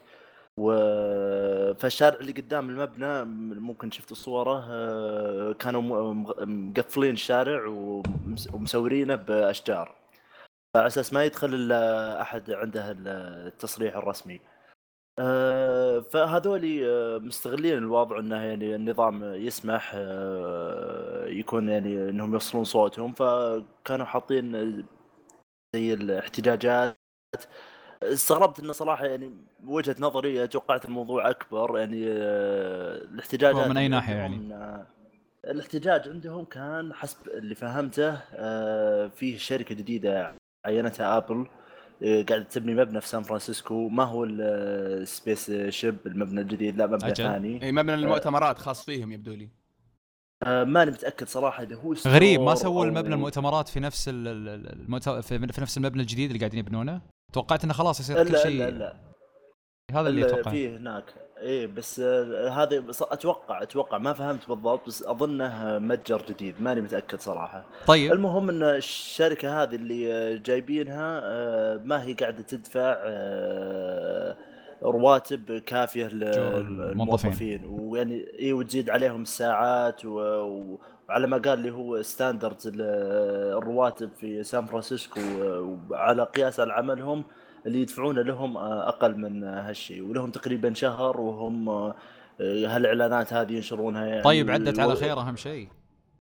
والله لا لا ما هم هم بس يسوونها لأنه من زمان يعني. حتى لما كنت أنا بشهر 11 كان في عندهم الاعتراضات هذه كلها يعني. هم يسوونها بس انه شوفوا حسوا سمعوا فينا. صوتنا يعني. إنه- اي اي حسوا فينا. يعني مو نفس اللي عندنا طق وتحذف ولا طيب حلو. خلونا نرجع أجل إحنا يزيد وصلنا للآيفون مع دخلتك على طول فتونا ما بعد نبدأ فيه شيء. آه فكنا نقول إن بدأوا على طول بال- بالعرض الإعلاني وطلع فيه اللون الجديد اللي هو ال gold rose ف يلا مين وده يبدأ بالآيفون؟ لا يزيد تو داش لازم هو اللي يتكلم. يلا لا سمي. أنا هناك. خلو خلوني استوعب الوضع لا احد طيب ابدأ ابدأ. نواف ابدأ نواف أنا والله آه، كنت متوقع إنه ما يطولون بالآيفون لأنه already هم كل فئة ال S ما يأخذون فيها أكثر من نص ساعة يتكلمون فيها. آه، اللي استغربت إنه ما تكلموا مثلا عن البطارية ما تكلموا عن الجهاز وادائه بس الأشياء اللي انعرضت يعني ترى أنا مخوفتني سالفه انهم ما استعرضوا ما استعرضوا البطارية. أتوقع نفس لا، القديم دام ما لا أنا. بالعكس بالضبط، بالضبط. أنا أنا بالعكس أحس إنه أقل لأن أول شيء أنت ضايف مميزات جديدة ضايف تقنيات جديدة وبنفس الوقت لو إن نفسه أبل لو تلاحظون المؤتمرات السابقة كانت دائما تقول إذا ما طورت البطارية تقول حنا زدنا مميزات وزدنا تقنيات وزدنا وزدنا ومع ومع هذا ذلك حافظنا. على نفس البطارية هنا ما قالوا جماعة بس لا ما تنسى- لا تنسى في شغلتين يدد موجودين بالجهاز نفسه عندك ال processor استهلاكه أقل لأن ال processor جديد طيب. زائد عندك بال iOS 9 ال- ال save mode حق البطارية. طب ليه ما قال؟ ليه ما ذكر نفس اللي يعني؟ موجود بالأندرويد. ليه ما ذكر يعني ان على الأقل ما- منها نفس البطارية؟ اي بالضبط ما ما ما أدري. يمكن إيش مخلينها رأيك يا زيد؟ بالموقع شو تدش نظرك تشوفها بالموضوع؟ أو شيء. والله ما أدري إذا كانت ممكن السالفه الوقت لأن مثل ما شفنا مؤتمر كان يعني مؤتمر كمية. الاعلانات فيه جدا جدا كبيرة. فممكن كانوا ضاغطين. يعني حتى لا- مثلا ال iPad mini 4 على أنه تغيير كبير للجهاز في ثواني يتكلموا عنه. هم ركزوا على ف- ال Apple TV هو كان كان بطل المؤتمر تقريبا. فعلا حتى يعني 3D Touch عطوها شيء كبير ولا إله إلا الله والساعة برضو اخذت حقها حلو طيب دامك جبت طاري كان ال يستاهل. 3 D Touch أنا أول شيء بحب أسألكم سؤال قبل نعرف بال, بال... ليه ما سموها Force Touch؟ لأنها جيل جديد من ال Force تاتش إيش فرقها عن الفورس؟ آم، للامانه ما أنا أنا أتوقع أنا أتوقع. إنه مجرد اسم آه، يعني لا غير زي ابل ما تسمي مثلا البصمة لها اسم الكاميرا iSight لا بس still. still يعني ابل مسمية ال Force Touch أصلا يعني ليش ما ظلت نفس الاسم؟ ليش غيرت يعني؟ حتى لو تلاحظ إنهم عشان- إنهم ما- يعني مو مغيرينه من زمان شكلهم أو شيء إن حتى اللي طلع شرح ال- ال- الميزة غلط في البداية قال Force Touch بعدين قال oh 3D Touch sorry كذا طيب، لأن آه، متعودين الظاهر بس يبون يخربون على هواوي لما أعلنوا أن ال Force Touch موجود عندهم. بس أنا أتوقع لأن على حسب الضغطات اللي موجودة يعني 3 layer 3 طيب. dimension of layers حدثني يا خالد عن ال خل إيش رأيك أحدثك عن البطارية قبل سؤالك؟ آه طيب يلا سم.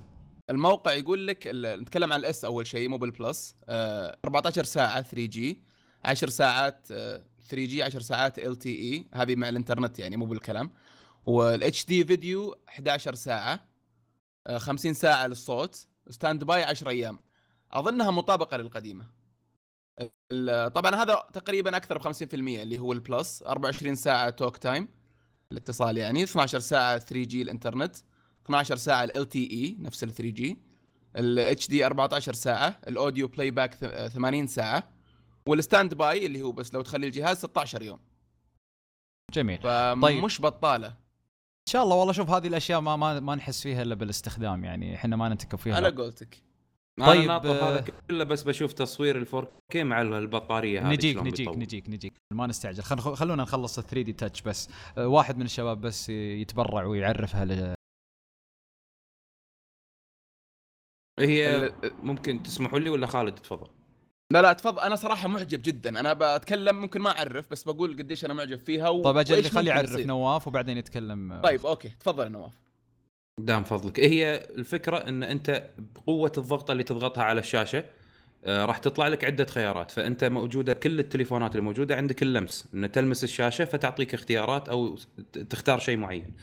ولكن إذا ضغطت بشكل أقوى على الشاشة يعطيك اختيارات أكثر. إذا ضغطت أكثر يعطيك اختيارات أكثر وأكثر ويعطيك يفتح لك أشياء ثانية. فمثلا إذا حطيت؟ إيدك على ضغط أكثر من اللمس اللي هي هذه الدرجة الأولى أو الطبقة الأولى من الشاشة.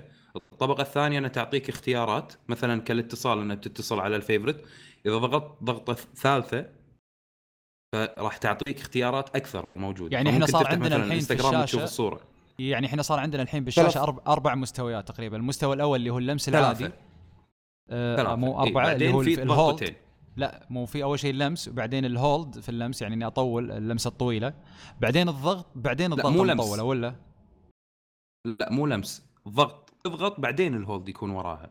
فيكون في عندك الهولد إنه ممكن أنت تحط صبعك تضغط شوية على الشاشة فيطلع لك اختيار. وفي الضغطه الثالثة إنه كأنك قاعد تحط الشاشة إنه تضغطها ال- حي... أيوه بالضبط.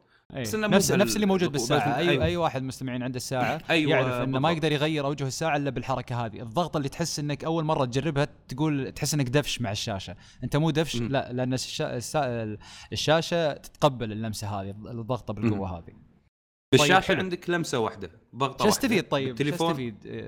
بالتليفون يصير اثنين يعني نفس؟ مثلا اللي عرضوه نفس اللي عرضوه إذا بتدخل على الإيميل بدال لا تفتح الإيميل وتقرأه ويطلع لك إنه هو already انقرأ ممكن تضغط عليه يحط يعطيك preview ممكن إذا كان في صورة بالإيميل تضغط ضغطة ثالثة فيطلع لك الصورة على طول. هذا واحد. أيوه من الأشياء اللي ممكن أنت تضغط. اي قول تفضل. أنا أنا بكل شيء إن أفتح البرامج بدون ما أدخل عليها هذا كافي. إي أنا هذه اللي عجبتني توني بقول لك. اللي عجبتني سالفة إني لما أبي مثلا أصور سيلفي سريع على طول بس hold على ال 3D Touch على ال- ال icon حق الكاميرا يقوم يطلع لي يقول لي تبي تاخذ سيلفي ولا بتسجل فيديو ولا slow motion ولا بتاخذ صورة عادية. أو لما أروح لتطبيق. الفون أو أو, الهاتف بس أضغط عليه كذا بقوة يقوم يطلع لي آخر ثلاثة مثلا أو أكثر ثلاثة أتصل عليهم أو أنا أحدد ما أدري إلى الآن ما وضحت الصورة لنا. بس ستيل أحس إنه بيسرع عمليات كثيرة. أنت إيش رأيك يزيد بالميزة؟ تحس انها إضافة فعلية للجهاز؟ والله إضافة جدا جميلة وفي شيء شدني يعني آه، ما في كنت ما توقعته آه، ما توقعت إنهم يضيفون دعم تطبيقات الطرف الثالث توقعت إنها تكون مثل البصمة الجيل الأول بالضبط. يكون آه، جايين جاهزين. اي تطبيقات ابل لحالها لكن لا الجميل إن مجهزين دعم تطبيقات طرف ثالث وعلى ما قالوا كانوا شافوا شغل رهيب من المطورين آه، تطبيقات طرف ثالث آه، في الاستفادة من الخاصية وتعال الحين شوف إبداعات المطورين شلون راح يستغلون الشيء هذا ترى دائما المطورين أنا بالنسبة لي يعني يستغلون التقنيات اللي تضيفها أبل أكثر من تطبيقات أبل نفسها ولا؟ معاي؟ أكيد، أكيد أكيد. أكيد أكيد هو طبعا ال- بالنسبة للفورس تاتش أو 3 دي تاتش أول شيء بتخلي الجهاز حيوي أكثر تحس إن الجهاز كأنه يعني آه، آه، يعني كانه يرد عليك أو كانه يستجيب لك أكثر من من السابق. تفاعلي الشيء الثاني تفاعلي إن تفاعلي بالضبط. الشيء الثاني انه أضاف بعد جديد للمطورين ومصممين التطبيقات. يعني تخيل أول كان يهتم بال ال- طبعا ال user interface وال user experience يهتم بالممكن الألوان أماكن ال- الأزرار طريقة التجربة العامة ال- المنيو ما المنيو. الآن صار في بعد جديد. يعني أنا ال Force Touch إيش أقدر أسوي فيه؟ أضغط من هنا تطلع لك آه، يا خالد تت- تتغير خالد يعني أو- يعني أنا أنا أنا اللي, اللي مبسوط فيه اترك يعني الميزة على الجنب. أنا اللي مبسوط فيه إن أخيرا شفنا شيء جديد يا جماعة في السوق. يعني شفنا شيء ممكن يغير قدام آه، هو راح يغير. شفت. اللعبة؟ ش- شفت اللعبة اللي عرضوها؟ شفت إيه شلون إيه إيه استغل إيه إيه. الطريقة؟ شيء شيء جميل لما يعني. كان لما لما كان بس يحط إيده على الشاشة كان يسوي ايم بال... بالسلاح. يعني لما أنا ضغط أكثر إيه يعني صارت أنا أبغى كل واحد فيكم بس كذا. يتخيل يتخيل كمية الألعاب الجديده اللي بس لو بتستغل أي الميزة تطبيق لو تفكر في لو تفكر سناب شات مثلا ممكن يقول لك والله لو. ضغطت الضغطة الأولى بيطلع لك كاميرا الضغطة الثانية يطلع لك لا أنا تدري إيش أحس مثلا أحس يعني. مثلا إذا جبت طاري سناب شات أنا هذا اخترت بالي على طول والله إنه يعني مثلا الحين صارت الفلاتر مثلا كثيرة كثيرة مرة بكل منطقة في فلاتر كثيرة وعاد خصوصا اللي عايشين بأمريكا عايشين مع الفلاتر ولا يزيد اي لا توصي اي فأحس مثلا إنه سناب شات ممكن تستفيد منها إنه لما أصور صورة أو فيديو أضغط 3D Touch على الشاشة يقوم يطلع لي الفلاتر كلها كمربعات يعني كأنها فلاتر فعلا كأنها س- زي ما يستعرضها لي مثلا انستغرام فعلى طول أختار ما ألف ألف. ألف اي ما ألف ألف ألف كثير وأقعد أدور يعني ممكن هذه واحدة من الشغلات. إيه. تعال شوف الإبداعات اللي راح تطلع لك عاد الحين حلو. طيب ونطلع من الابداعات هذه ونروح حركة بسيطة ضافوها. هم ضايفينها من أول بس ما فعلوها بشكل ممتاز اللي هي سالفة الخلفيات المتحركة. إيش رأيكم بالإضافة؟ اللي هي نفس اللي موجودة بالساعة الحين. ما هي الخلفية يعني. ولا يش- على ال lock screen على اللي برا؟ تحس إن صرفية بطارية على الفاضي ولا إضافة حلوة؟ أنا بالنسبة لي أقدر- فيه البطاريه إذا أنا ما أهتم بالصرف كثر ما إنه إذا أقدر مثلا أحط خلفيات من عندي مو نفس مثلا الخلفيات المتحركه اللي بس هم يحطونها. زي اللي كانوا حاطينها ممكن سابقا بالنسبة لي يعني. تكون حلوة. لكن لا هم مثلا يعني أنت الحين ما تقدر تحط صورة متحركة من عندك. بس السته أو السبعه اللي موجودين بالآيفون هذيل البابلز اللي يطلعون ويتحركون. فإذا بأدش ويطلعوا لي بس ورد وما أغيرهم لا ما أبي. بس طيب. أتوقع سالفة ال- بالكاميرا لما نتكلم عنها هذه ال Live Photo إنك تقدر على تسويها الشاشة الرئيسية إن تنحط هذه راح نفس الساعة. اللي هو تقريبا زي ال time lapse أو شيء زي كذا تقريبا شيء أيوة. قريب بس ما هو أيوة. مفهوم لين. نجربه طيب وبعدين آه، تكلموا عن الجودة في صناعة الآيفون الجديد الظاهر إنهم حلوا سالفة الإنحناء ولا خالد إلا يبدو لي ال- ال- الالومنيوم المستخدم الجديد اللي هو 7000 أي فئة اقوى 7000 من القديم إي، أقوى من القديم فالمفروض إن قضية إن ال- الجوال آه، زي اللي كانت في ال Plus أول ما راح تكون موجودة إن شاء الله في الجديد. يعني. تتوقع كميه تتوقع اي كمية الزنك موجودة فيه عالية ف. حتى حط لويس كنا بالفيديو إنه يتحمل أكثر من تقريبا 40 50 كيلو لغاية ما ينعوي. بالضبط وميزته إنه ما يثقل الجهاز يعني يكون أقوى لكنه مو بأثقل. بالضبط أخف. عجبتني عجبتني النكتة اللي قطوها يوم كانوا يس- يجربون ال 3D Touch طالع طلع إيميل بالشاشة يقول إن إن هذه ساعة أبل مو هو في كلام كان مؤخرا قبل المؤتمر إن سيارة أبل- تقصد سيارة أبل إنه كان في كلام إنه أبل اشترت مدري إيش وبتطلع سيارة ف يعني كانت إضافة ظريفة عجبتني أنا والله. أي ف- آه، أنا طيب. هذه أول مرة أسمعها منكم ما ركزت فيها أصلا. ما شفتها شوفها جايبين كذا صورة كفر و... وال- والمقعد حق السيكل آه، شو تسمونه أنتم بالكويت السيكل؟ آه، سيكل سيكل. لا قاري؟ لا. آه قاري إيه. اي ف- قاري اللي هو إيه بدون, تخيل. بدون موتور. اي بس اي بس كذا مقعد السيكل مع ال- ال- ال- الكفر وقال وقاعد يقول إن هذه ساعة إن هذه سيارة ابل unicycle على قولتهم. اي بالضبط. وبعدين طبعا تكلموا قالوا إنه فيه ال ال A8 ال A8 الجديد المعالج وإنه أفضل بالرسوميات ب 90% فودنا يزيد A9. يكلمنا عن ال أو ال A9 صح اي اي نعم بس آه، مو بإكس إي مو بإكس فودي أنا يزيد هذاك حق يقول لي الآيباد. ليش آه والله A9 آه يعني التطور اللي فيه آه تطور متوقع ما كان في شيء استثنائي التطور اللي هو اللي يستمرون فيه يكون أفضل تقريبا بنسبة 80% بس ليه ما حطوا ال X نفس اللي. في الآيباد لا لا آه آه. sorry آسف محمد آسف يزيد قاطعتكم آه. ال X موجود بس حق الآيباد ينحط هو نفس. ال processor. بس إنه يكون أعلى اي modified حق الآيباد. نفس الآيباد القديم الاي 7 إكس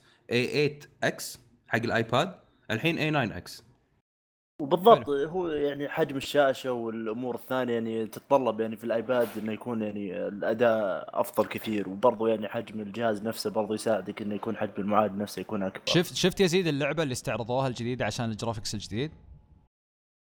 والله آه، ما قدرت أدقق فيها للأسف. يبي لي أشوف شفتوها من شباب. أنتم اللعبة؟ نار كانت. بالنسبة لي مع ال 3D Touch كان شيء خيالي. تحسها شيء قوي ها؟ هو بس احس بالنسبة بس أحس ما أدري قبل قبل تقول أحس إنه يعني تذكرهم يعني دائما يقولون حتى من أيام آه، ذكرني باللعبة هذيك اللي كانوا دائما يهيطون فيها لها ثلاث اجزاء. Infinity Infinity Blade بالضبط. كانوا دائما يقولون من هذيك الأيام إنه إحنا وصلنا لمستوى رسوميات مثل البلاي ستيشن والاكس بوكس وكل مرة في المؤتمر يجيبون طاري ال graphics يجيبون هالسالفة. أنا أحس ما أدري بدري ولا؟ لا لا هو هو الناس وايد تهتم بال graphics بس هو المهم مو ال graphics اللي فيها مو الرسومات اللي موجودة. نعومة ولا المهم إيش؟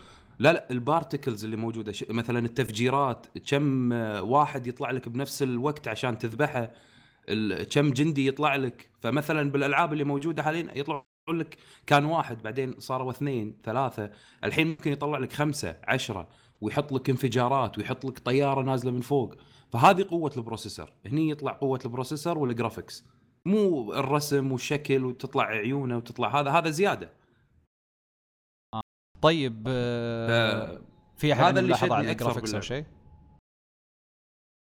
الكاميرا ممكن ننتقل للكاميرا طيب ننتقل طيب قبل. ننتقل الكاميرا خل... خلونا نخلي الكاميرا آخر شيء عشان الكاميرا فيها كلام كثير يمكن أكثر شيء أه بتكلم بس على سالفة ال- ال- النسخة الجديدة من ال- البصمة حساس البصمة إيش سالفته؟ ما ركزوا بس قالوا نسخة جديدة وسحبوا عليه إيه بالضبط. بس قالوا؟ أسرع بالدبل إي أدق برضو هو بروح الحين ما شاء الله سريع بس اللهم إذا عرقت يدك ولا كانت يدك ممكن. الحين إذا عرقت يدك أتوقع يلقط أفضل يعني أتوقع أول. أصعب شيء الناس تسويه الناس اللي يعني عندها 5 اس أو 6 إنها تاخذ screenshot للشاشة ولا هي من جد لا خلينا نشوف الحين خلي ينزل وتنزل review ات عليه وهذا راح توضح أكثر. إنه قالوا بس انه ال version 2 بس شنو version 2 ما حد يدري. بس قالوا إنه أسرع بمرتين. إيه إنه خلاص تعودت عليها هي موجودة وهذا ادائها طيب حلو. كان أه، ودي لو حطوها في ال- في الزر اللي فوق زي أظن السوني الجديد بس أه. تضغط على الزر اللي على جنب يكون في بصمة فيفتح لك الجوال على طول. طب لحظة آه، الحين ال- ال- ال- ال- ال- النسخة الجديدة من ال- من الحساس البصمة آه، موجود على الآيباد Pro والآيبادات اللي قبل ولا لا؟ الآيباد Air 1 أتوق... لا الآيباد Air 2 والميني 4 وراح يكون بالآيباد Pro راح يكون بالآيباد Pro ها؟ مم. طيب يزيد ودك تكلمنا عن الكاميرا الجديدة؟ والله الكاميرا يعني طبعا هي نفس التسريبات يعني مثل ما كنا عارفين لكن بالنسبة لي آه، التطور اللي فيها شخصيا سبب مقنع إني آخذ الآيفون الجديد. أوف. يعني آه، يعني الكاميرا مثلا الخلفيه صارت 12 ميجا بكسل. مثل ما تكلموا آه، أظن كان فيل شيلر يتكلم عنها. قال يعني إحنا كنا حريصين ما نرفع الميجا بكسل إلا نضمن إنه ما يأثر على جودة الصورة وغيرها يعني مثل ممكن نشوف يعني بعض المنافسين عند الميجا بكسل جدا عالي لكن لو تقارن يعني ال- الألوان صفاوتها وهالأمور يعني ما ما تلقاها بالدرجة المطلوبة صح مم. آه، شباب في أحد منكم مصور؟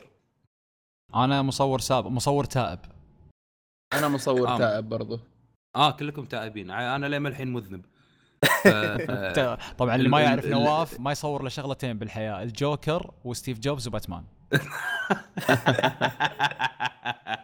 اللي ما يحبهم لا يتابع أصور. أصور بورتريت بعد بس إنه ما حد يدري عنه. آه، الفكرة إن ال sensor اللي موجود فيه يعني أنا أول ما حطوا الكاميرا take my money خلاص. نهائيا ما في ما راح أفكر. الفكرة بالكاميرا إن نفس ما قال فيل شيلر إن كثر ما زدت عدد الميجا بكسل كثر ما قل ال quality بالصورة. هذا يمكن شيء وايد الناس ما تلاحظه. فعشان كذي تلقى مثلا الكانون والنيكون والسوني ال- أصلا ال sensor مفهوم مالها مفهوم الميجا بكسل عندنا مغلوط يا ريت توضح بالضبط. بالضبط. الميجا بكسل طال عمرك هو حجم الشاشة لما تسوي لها zoom بالكمبيوتر فقط. عدد ال zoom. يعني هل يفرق مثلا الميجا بكسل. بالطباعة؟ هل يفرق في الشغلات هذه ولا ولا لا إيه بس؟ إيه إيه لا لا تفرق تفرق بالطباعة لأن already يعني مثلا 16 ميجا بكسل 20 ميجا بكسل هذه تطبعها على عمارات 20 دور 30 دور. لكن إذا أبغى صورة أنا بس حلوة على خلفية جوالي ولا على الإنستغرام ولا السوالف ذي؟ أغلب الناس الحين تصور بتليفونها وتخلي الصور بالتليفون. صح. أكبر تليفون حجمه 5 إنش. فلو شنو كانت مدى الميجا بكسل اللي عندك؟ راح تطلع perfect الصورة لأن أنت قاعد تشوفها على حجم شاشة 5 ميجا بكسل يعني 5 مليون أنت مصور 16 مليون شنو استفدت؟ هذا واحد. فهمت الفكرة؟ لما تسوي zoom متى يطلع لك الصورة تصير مربعات؟ هذه ما تلاحظها إلا مثلا بال Photoshop وال Lightroom والبرامج هذه تلاحظ. آه بلشت هني تصير وفي مربع. بعد شغلة عشان تطلع مربعات إنك تصور Snapchat من جهاز أندرويد. من جد لا من جد. لا لا تنقلب معاه Minecraft. ولا- تصور تنقلب Minecraft. حلاقة أصلا. فأنا أقول لك أنا أنا شخصيا على يعني كاميرات ابل أحب ال sensor اللي موجود فيها وسرعة تجاوب ال autofocus ما شفتها بولا تليفون. أنا ما أقول لك جربت اثنين ثلاثة. أنا جزء من شغلي إن أنا أجرب كل التليفونات اللي تنزل بالسوق. فجزء من إنه ما في autofocus نفس autofocus الآيفون بالسرعة وبال precise إنه تحط على ال way على طول يصيد لك ال way تحط على هذا يصيد لك إياه حلو ما في طيب الغباء اللي يطلع وبعدين قام. قال Phil قال إن يعني الفريق اللي اشتغل على الكاميرا اشتغل شغل كبير على تقليل التشويش أو ال noise في الصور إيه عن طريق إنه كانت قوية. اي إي، وإعطاء يعني جرعة أكبر للألوان أو ألوان دقيقة أكثر مو ألوان أفضل يعني مو مو يجمل الألوان لا قاعدين يقربون من الألوان الطبيعية للصورة. أعطوهم details أكثر فايش رأيكم؟ أنا كنت أتمنى إنه يتكلم يعني عن الاضاءه الليلية أو التصوير بالليل بس ما أي. تكلموا عنها هو دائما مو ما يتكلمون مو إذا عنها. قلل ال noise أتوقع يعني بتصير إضاءة ليلية أفضل ولا؟ وعلى حسب فتحة العدسة يعني الآيفونات اللي موجودة كان الآيفون 6 2.2 ال F point ماله أو فتحة العدسة آه، ما تكلموا هالمرة مع إن كل مرة يقولونها بس هالمرة ما قالوا كم فتحة العدسة أتوقع يمكن خلوها و... لا م... آه ليه ما الحين 2.2 موجودة بال... بالموقع. ليه ما الحين لا زالت 2.2 كنت أتوقع إنه 1.8 تكون 1.8 طيب آه، خالد. أتوقع ليه ما الحين راح يكون تصوير الليلي آه، by by. نفسه. عشان. كذي حطوا لك الفلاش ما فلاش. طيب خالد إيش رأيك يوم قالوا إن الآيفون الجديد ال 6 S Plus يصور فيديو 4K تحس نبغى 4K ولا؟ والله أتوقع إيه. إيه. يا أخي إحنا ما آه، نقدر نشوف 1080 خصوصاً- بالسعودية يا جماعة الخير. إيش فيكم أنتم؟ عندك هنا لا بس تتكلم تتكلم عن العالم ما تتكلم عن عندك. والله العظيم أنا حلقات ال- الشعر تدري إن. تدري إن أنا. تدري إن أنا حلقات غالباً- المشاهدين يشوفونها على 244 أما 200 هذا على الجوال أكيد. نسوي بعد النت ضعيف. تعبان. لا آه، Apple دائما اذا إذا دخلت technology معناته إنه خلاص الآن it's getting serious فاهم خلاص بيبدا ينتشر. فتلقاهم صابرين على ال 4K فترة طويلة. نفس الشيء على ال على ال 4G مثلا. أول ما كان يعني تدريجيا بدأ يدخل. أوكي ممكن إنهم أحيانا يتأخرون لكن لما ينزلون شيء معناته إنه خلاص بيبدأ ينتشر بشكل بشكل قوي. شكلنا بنشوف أفلام كثير هالسنة مصورة بالآيفون يحبون الهياط بالسوالف ذي. أنا أنا إيه، ناطر دعايات. أشوف ال 4K يصور نفس الأجهزة الثانية خمس دقائق ولا مفتوح. لو كان آه، مفتوح صح، هني إيه. راح تقول إنه آه أوكي. هو أكيد مفتوح لكن بيعبي الجهاز على طول. والله أنا يا جماعة الخير أحس هو- الشغل على الكاميرا اللي صار مع العدسات والإكسسوارات اللي موجودة للآيفون أحس بيطلع شغل جبار من المصورين فعلا بس في في شيء مرة ينزل ترى على. فكرة يعني لا ننسى انه من زمان ترى ما صار update على الكاميرا يعني يا جماعة الخير متى آخر مرة صار. update؟ اي يعني شوفوا جيل أربع سنوات يعني لازم نشوف ثورة جديدة بال بال بال بالكاميرا حقت الآيفون أنت يزيد إيش رأيك في ال- في الكاميرا الأمامية Face آه، Time صارت الكاميرا آه، الأمامية والله هي يعني آه، القفزة يعني من 1.2 ل 5 ميجا بكسل أتوقع أتوقع السوق يعني. يتطلب ولا يزيد؟ يعني كل البرامج أك- صارت الكاميرا الأمامية شيء أساسي. أكيد إيه يعني خلاص. ال- ص- صارت ثقافة عالمية السيلفي صار يعني شيء على مستوى العالم منتشر ونستخدمه يوميا فكان ضروري ضروري جدا. حتى حطوا لك True Tone قدام يعني صارت الشاشة اللي قدام تنقلب بيضة وتصير فلاش بالضبط. نفس في Snapchat واظن أفضل من Snapchat برضو تحس انها يعني صارت وايد. شوي الكاميرا اللي قدام ولا أنا غلطان؟ صارت كيف؟ كأنها صارت وايد أكثر أو يعني يعني واسعة إيه. أكثر العدسة والله أحد لاحظها شباب. خالد أو نواف إي 5 ميجا بكسل لازم تكون أكبر شوي العدسة شفت الصور اللي استعرضوها شفتوا شفتوا كيف يعني دقتها ألوانها أنا قاعد أقول لك بس بلشوا بالكاميرا ينيت قاعد أطالع ما أدري إيش أقول ما أدري ما, ما, ما شوف أنا الحين ما أدري إيش أقول طيب أجل يمكن يزيد يعرف شو يقول عن ال Live آه، فوتو أنا إلى الآن يعني مو قادر أشرحها يعني فاهمها بس مو قادر أشرحها والله آه. تقنية غريبة صراحة يعني آه. آه، حسب اللي فهمته إنه مجرد إنك هي الفكرة إنك تاخذ صورة عادية لكن أظن إنه بيكون في زر تضغطه أو آه، في خيار تكون ضاغطة قبل يعني مثل ما إنك تضغط فلاش أظن في خيار في النص بيكون تحتاج تضغطة عشان تصور Live Photo آه، مجرد إنك لا، لا، بس- صورة عادية.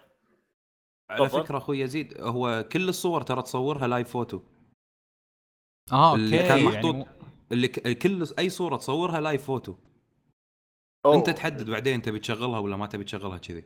بس اللي بالنص كان محطوط هذا السيلفي اللي من قدام. أوه يعني آه، اللي آه، أوه يعني اللي هذا الموجود قدام يعني عشان تحول كاميرا السيلفي بس. أيوه. ال... أها. أنا قبل فترة كانوا هم شارين شركة اسمها والله نسيت اسمها شيء image. هي شركة إسرائيلية. لعبوا على أساس بالله. هذه الشغلة انه إي بس انه يعني سووا التكنولوجيا إنه ممكن تصور من الكاميرا 3D وتطلع لك ال effect 3D وتسوي لك هذا كله. بالإضافة انه في شركة اسمها Lytro تنزل كاميرات الحركة تكون motion الصورة اللي تصورها. أحس مهما آه. شرحنا فيها نواف أحس ما بتنفهم لين تستخدم لازم تشوفها لازم تشوفها. فأنا أول ما شفتها لازم. قاعد أطالع إنه لا هذا شيء وايد جديد. حلو تدري هو فكلكم راضيين على. ال update اللي صار على الكاميرا؟ ما, ما كنتوا تتوقعون شيء أكبر من كذا؟ كافي عندي. أنا أنا شخصيا راضي لكن لكن في شيء ينرفز جدا في الآيفون ما حد لاحظه. وشو اللي هو؟ اللي هو الحجم 16 ما مو مو براضين يخلونه. أنا أقول لك ليه. أنا أنا أنا أسمي هذا الحجم حجم الشركات والهدايا. يا جماعة الخير أنا بروح أشتري آيفون هدية بس أبي من استل جد. إي بعطي هدية عرفت؟ إيه أو الناس إيه، اللي أصلا 16 ما زالت. تستخدم جوالها. انها تكلم وتقفل وواتساب وغيره وهالسوالف ذي. بس أعتقد يعني ترى 16 ما زال كافي. لكن يعني أحس المستخدمين العاديين اللي اللي جاي يشتري آيفون 6 عشان آيفون 6 مو عشان آخر جوال نزل مضيعة فلوس ووقت إنك تقعد تاخذ لي 16 جيج شو تسوي فيه 16 جيج إي من جد آه، عاد ال- اليومين هذه ال- ال- ال spam اللي يجيك في الواتساب ولا في البرامج هذه ما تقدر ما. تقدر ما تقدر يعني الحمد لله على نعمة تليجرام ولكن الواتساب يوصل إلى 30 40 جيجا عند بعض الناس تدرون يا. جماعة الخير ولا لا؟ يعني صاروا يشترون يأجرون ال- ال- ال clouding عشان بس يرفع لهم مع إنه ما يرفع لهم شيء فعموما ال- هذه بعد قضية طويلة نجي لاخر ميزة بس ذكروها بشكل سريع اللي هو صار الواي فاي بس بال- قبل قبل لا ندخل عليها بس بقول شغلة إذا. تسمح لي ال 16 جيجا هو على أساس لأن الآيفون يتغير كل سنتين كجهاز بشكل عام فعشان الناس اللي بيحولون مثلا من الآيفون 5 S لل S 6 لل 6 S ما يكون في فرق بينه وبين الناس اللي شروا ال 6 أو ال 6 Plus إيه. من 16 62 64 128 السنة الجاية أكيد 32 أقل شيء أكيد. أصلا لأن ما نبغى مي... لأن نبغى الحين أكبر من 128 قاعدين نطمح للأكبر. لا هم الحين قاعد قاعد يدفعون الناس إنه يستخدمون ال cloud وكل السحب والب... والتطبيقات وعملوا هذه. upgrade لل iCloud برضو. اي بالضبط. يعني بالضبط. بنجيها- عشان يقول لك. يبا انسى انسى اللي موجود عندك بالتليفون وخزن بال cloud وخلاص. طيب والواي فاي الجديد أسرع بمرتين؟ مو لما الحين؟ أنا بشوفه هو ال AC اللي موجود عندهم. آه، هل هو MIMO multi in multi out ولا ما بشوفه يعني. طيب آه، وبالنسبة للقواعد أو ال dock الجديدة يزيد شفتها؟ أه والله جميلة الألوان الجديدة. أول مرة آه، يلونونها. إيه وكأنها موجودة. هي كانت من كانت أول موجودة أبيض بس, بس. أبيض سادة. لا كنا كان في ألوان نزلوها لا لا لا, لا. لا أول مرة عاد أنا أقدم واحد يمكن فيكم تاريخا في شراء ال dock أكثر واحد يشتري dock في فهذه أول مرة أول مرة نزلوا بنفس الألوان يعني نزلوا ذهبي ونزلوا آه، فضي أوكي. ونزلوا أسود ونزلوا ال rose gold جديد أه، أحس أحس شيء شيء زي كذا أحس هو اللي بيخلي الناس تشتري dock يعني بالضبط، لأن الناس ترى مهمل. الشيء ذا اي أحس يعني. تسويقية الفكرة بس تسويقية وبعدين على طول على طاري الألوان أه، جابوا أغطية جديدة أو كفرات جديدة. الآيفون 6 إيه، قبل يفتحوها تتكلمون عنها. يا جماعة خالد لازم نشتري البرتقالي. والله البرتقالي قدام. والله لازم نشتري يناسب مع اللي وريتك على طول. على من جد كنت طبعا اللي ما يعرف ال- ال- اللون هذا أو هو مو برتقالي صاير برتقالي على احمر هذا طبعا هو لون الشعار حق البودكاست. وهو اللون اللي أنا وخالد طايحين فيه يعني تونين فيه على قولتهم. أه فإيش رأيكم بالألوان؟ إيش رأيك نواف؟ والله الألوان حق التليفون ولا حق إيه، الكفرات حق قصدك؟ التليفون الكفرات. لا نار. أنا عندي إياهم كلهم الحين الموجودين يعني حتى مرة داومت بالدوام وكنت حاط الوردي. تقول أوف. ها ماخذ الكفرت مال زوجتك؟ لا لا الكفر يا هذا أخي هو شاريه. أحسن- أحسن كفر. يا أخي ما الكفر يصير يعني. الرسمي. مو لا- مو لازم مو لازم اللون يكون حق مرة يعني. اي لا بس توافق توافق توافقوني ما ادري يا شباب. يعني أنا جربت كفرات كثيرة. يعني كثير أغطية جربت بأنواع كثير كثير مرة. يا أخي ما أحس في شيء يناسب غير اللي تنزله أبل رسميا. ما أدري ليه. أنا نفس إحساسك صراحة. ما أنا ما يعني أستخدم الملمس. الحجم الثقل الحماية السوالف ذي. ما أدري إيش رأيك خالد؟ إيش رأيك يزيد والله أنا زيك باستثناء موديل واحد أظن كان حق ال five S. آه، اشتريت واحد أتذكر بني كان يطيح من الآيفون. ما أدري هل هو كان الموديل هذاك فقط ولا اللي هو كان مسكر من؟ تحت. يعني كانت الفتحات مسكرة ما هي ما هي مفتوحة ما هي بحري مثل حاليا يعني. إي بالضبط بالضبط إي أول كنا نعاني إنه كان ال dock تغيرت. الرسمي كان ال- ال- ال cover الرسمي حق أبل ما يمديك تحطه على ال dock ولا يمديك تحط USB ولا آه، عفوا تحط AUX أو السوالف ذي لأنه كان مسكر عليك. الحين لا مفتوح والله أنا عني أنا أنا ما أرتاح للآيفون اللي هو مفسخ لازم. أوف إيه. تصريح ناري ذا يا يزيد إذا انكسرت الشاشة عرفت عرفت لا يا أنا جماعة لا حريص كان- لا توصي. كان كان كان في شركة تحط مثل حماية حق الجهاز من ورا بس تخليه إنه ما يزلق. يعني ما يزلق من اي اللي تحطه لما تحطه على الطبلون حق السيارة وكذا ما ما ما يتحرك. أيوه أيوه أيوه بالضبط. فاستخدمته تقريبا شهرين بدون كفرات بدون شيء. أه الإحساس غير يا جماعة والله. طبعا. أنا ترى تضايقني. شغلة واحدة. أنا الحمد لله يعني تاريخي مع الأجهزة ولله الحمد يعني يا رب ما تجيني عين ما قد انكسر علي جهاز. الحمد لله يعني. من 2007 أنا مع 6 أبل. Plus أول واحد من لا أنا 2007 الحمد لله أنا. لا لا كسر لا. شمخ لا شيء أنا ال 3 GS جاء على وجهه على زفلت لا أنا الحمد لله ولكن النقطة اللي أبي أوصل لها إن سالفة إنه صح أنا معكم ومع يزيد في سالفة إن التفسخ دائما أحلى أو عفوا يعني ال ال طوط. طوط طوط طوط ال- ال- انه يعني تترك الآيفون يعني بدون كفر أفضل. لكن ما زالت عندي مشكلة الحرارة يا جماعة الخير. ما أقدر أمسكها مدة فترة طويلة. يعني ما أقدر ألعب ما أقدر كذا حرارة في الجهاز. ما زالت المشكلة ذي. صح والله أحيانا تكون مزعجة صح. إي يعني ت- ما ما جر جرب تنتهي. جرب تصور سناب شات مثلا كذا ثلاثة أربع سنابات ورا بعض سناب شات بزيادة. سناب على طول- على طول، ما تقدر- فيه مشكلة. فعليا يعني ما تقدر تمسك الجهاز من حرارته. يعني مو دلع لا فعليا تنور يقلب الجهاز. صح. إيه. سناب طيب. شات أنا ما أدري متى يسوون له update ويعدلونه ويفكونه يا رجال أنا ما أدري متى يحذفونه من جدك أنت. ال ال والله ما داعيت له يا جماعة الخير يعني تطبيق ترى تعبان يعني والله محظوظ بس. المهم آه نجي للأسعار. آه آخر شيء بالنسبة بس قبل. قبل أسعار محمد بس في ميزة مهمة مرة لمستخدمين الأندرويد اللي هي ال Android migration. يا ليل يبغى ينتقل. حياهم ينتقل الله. للآيفون وال iOS الآن سهلوا العملية. حياهم الله حياهم الله. أي فسووا قصدك المرتدين يا- أبو ميار لا لا أي فالآن لا. المرتد المرتدين يقدر يرتد مرة ثانية يرجع مرة ثانية للآيفون بطريقة أنا مرة أقصد. اللي أنا إيه أنا أقصد اللي. لا هم اللي ذكروا العكس ولا إنك تبي تطلع من الآيفون للاندرويد ولا لا لا لا لا لا, لا؟ تبي تطلع من الأندرويد تي الآيفون آه أوكي طب هذه شرحوها من قبل ليش يعيدون يشرحونها لا هذه قبل أعلنوا 9 بس كانت موجودة بس ما قالوا عن. البرنامج أي شو لا اليوم؟ وروك كيف الطريقة؟ فبتسهل العملية مرة. هي طبعا موجودة على الويندوز والماك من أول وكانت مرة مريحة. الآن جابوها للأندرويد ولل iOS. إي أتوقع أنا و... أتوقع أنا ويزيد و... ونواف ما بنحتاج الشيء هذا. لا، هذا أكيد.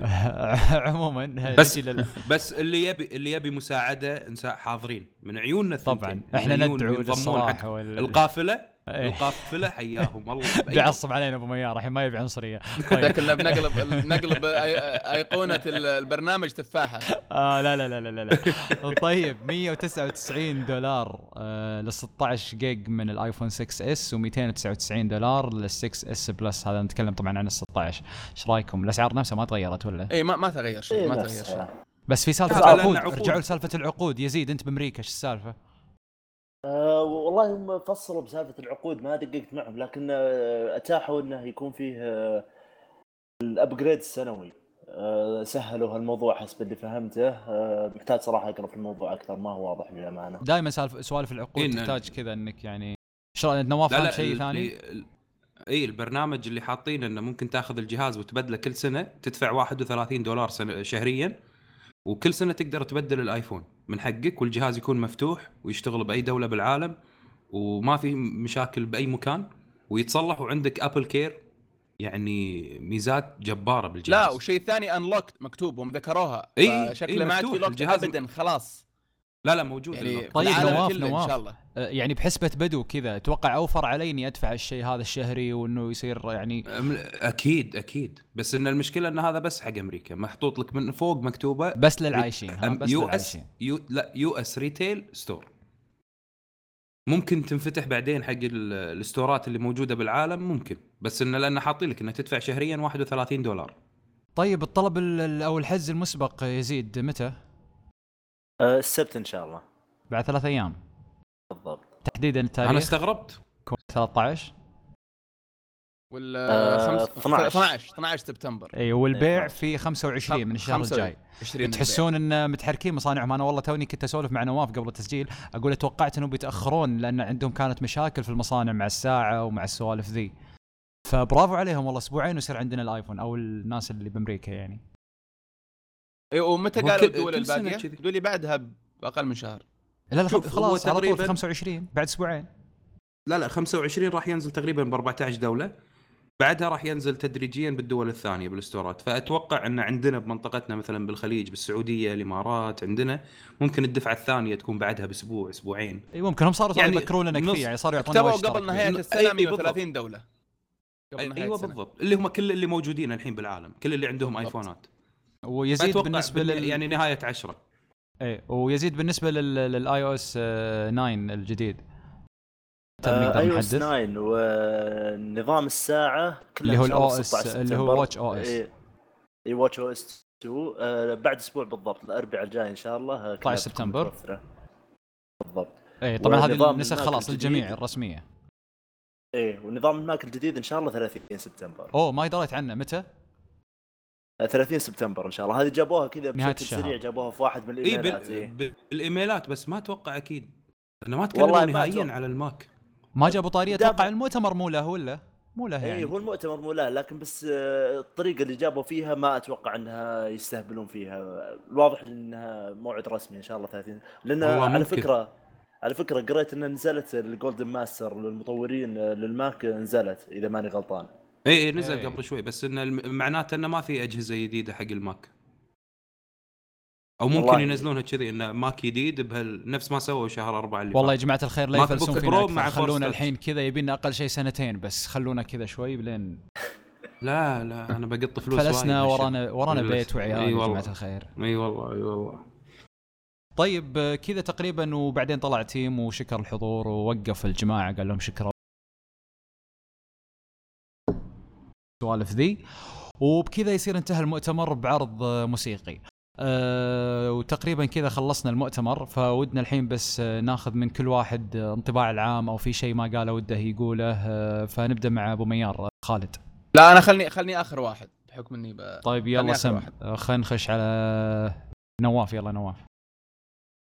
نواف أنا بالنسبة لي يعني اللي عجبني آه، سيري مع الأبل تي في وعجبتني آه، سالفة ال 3D Touch بالآيفون والكاميرا.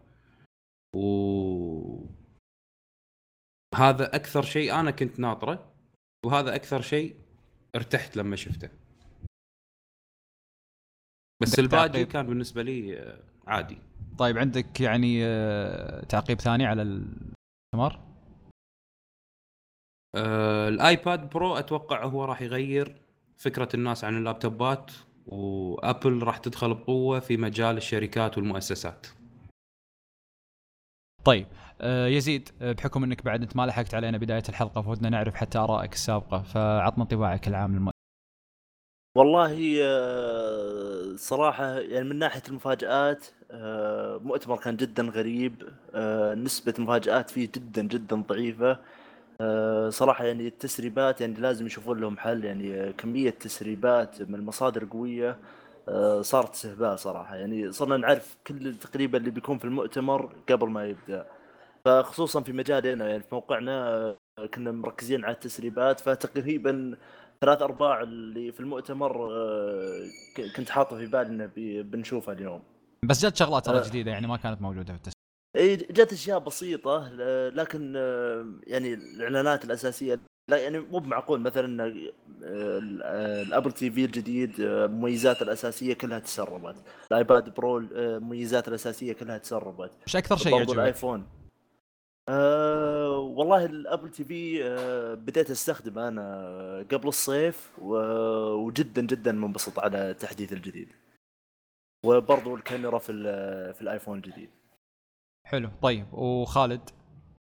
آه، طبعا عجبتني أشياء كثيرة في المؤتمر آه، لكن أكثر شيء أعجبني وبمسافة كبيرة عن باقي الأشياء اللي هو 3 دي تاتش أو الفورس تاتش لأن ممكن بحكم آه، عملي في مجال التطبيقات يعني الأفكار اللي ممكن تصير وال والبعد اللي أضافوه لتطوير التطبيقات يعني الواحد ما يعني ما, ما يقدر يصدقه فبنشوف أشياء جدا ممتعة.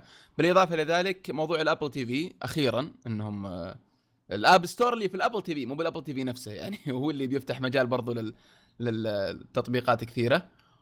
وأحب أشكر المستمعين لهذه الحلقة والضيوف قبل طبعاً. قبل قبل أنت بتختم أصبر. لا لا ماني بخاتم ماني بخاتم ماني بخاتم ماني بخاتم بس أنا بس أنا بأكد على حاجة إن إنهم يعذرونا بس في ال quality حقت الصوت. اي لا إن شاء الله بنجيهم بالكلام محمد. هذا بس خلني إيه، أنا بقول رايي بالمؤتمر وبعدين عندي سؤال أصلا بعده.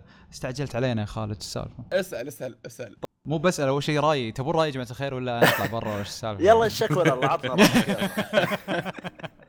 طيب يعني مجبورين طيب. نسمعك بعد شو نسوي؟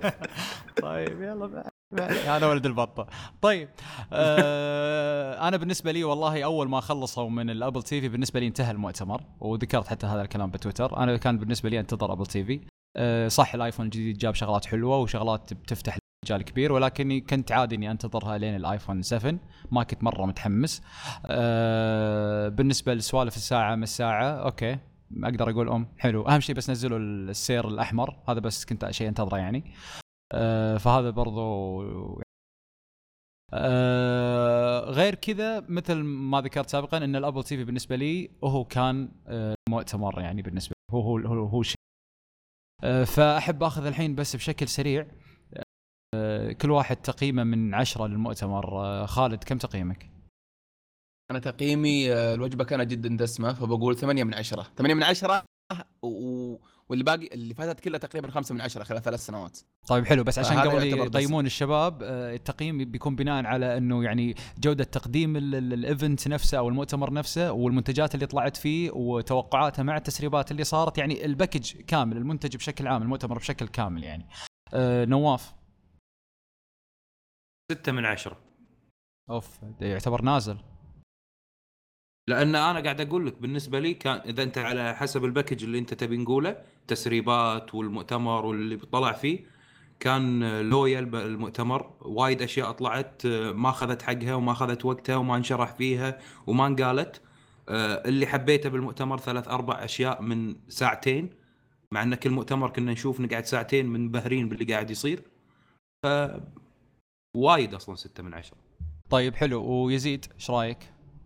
آه، من ناحية الإعلانات آه، أقدر أقول من ثمانية لتسعة من عشرة لكن آه، موضوع التسريبات هو اللي خرب علينا المتعة. لكن الإعلانات كأمور جديدة كان مؤتمر جدا جدي- جميل ويوسع الصدر والله. أنا بالنسبة لي والله أحس يعني المؤتمر حقه سبعة من عشرة. دي أوافق نواف بسوالف إن ال- سالفة إنه جاء أمور كثيرة طرحوها وما ركزوا على. يعني كان في خبصة شوي واضح إنه كان عندهم أشياء واجد يبون يفصلون فيها بس ما قدروا بس آه، بالنهاية يعني مؤتمر جميل وأتوقع أتوقع إنه يعني من أجمل مؤتمرات أبل اللي ممكن أتذكرها بعد سنوات ولا إيش رأيكم؟ فعلا أنا عن لأنها نفسي جدا لا. ضخم أنا عن و- نفسي لا طيب وأعتقد اليوم افتقدنا ستيف جوبز والله كل يوم فاقدينه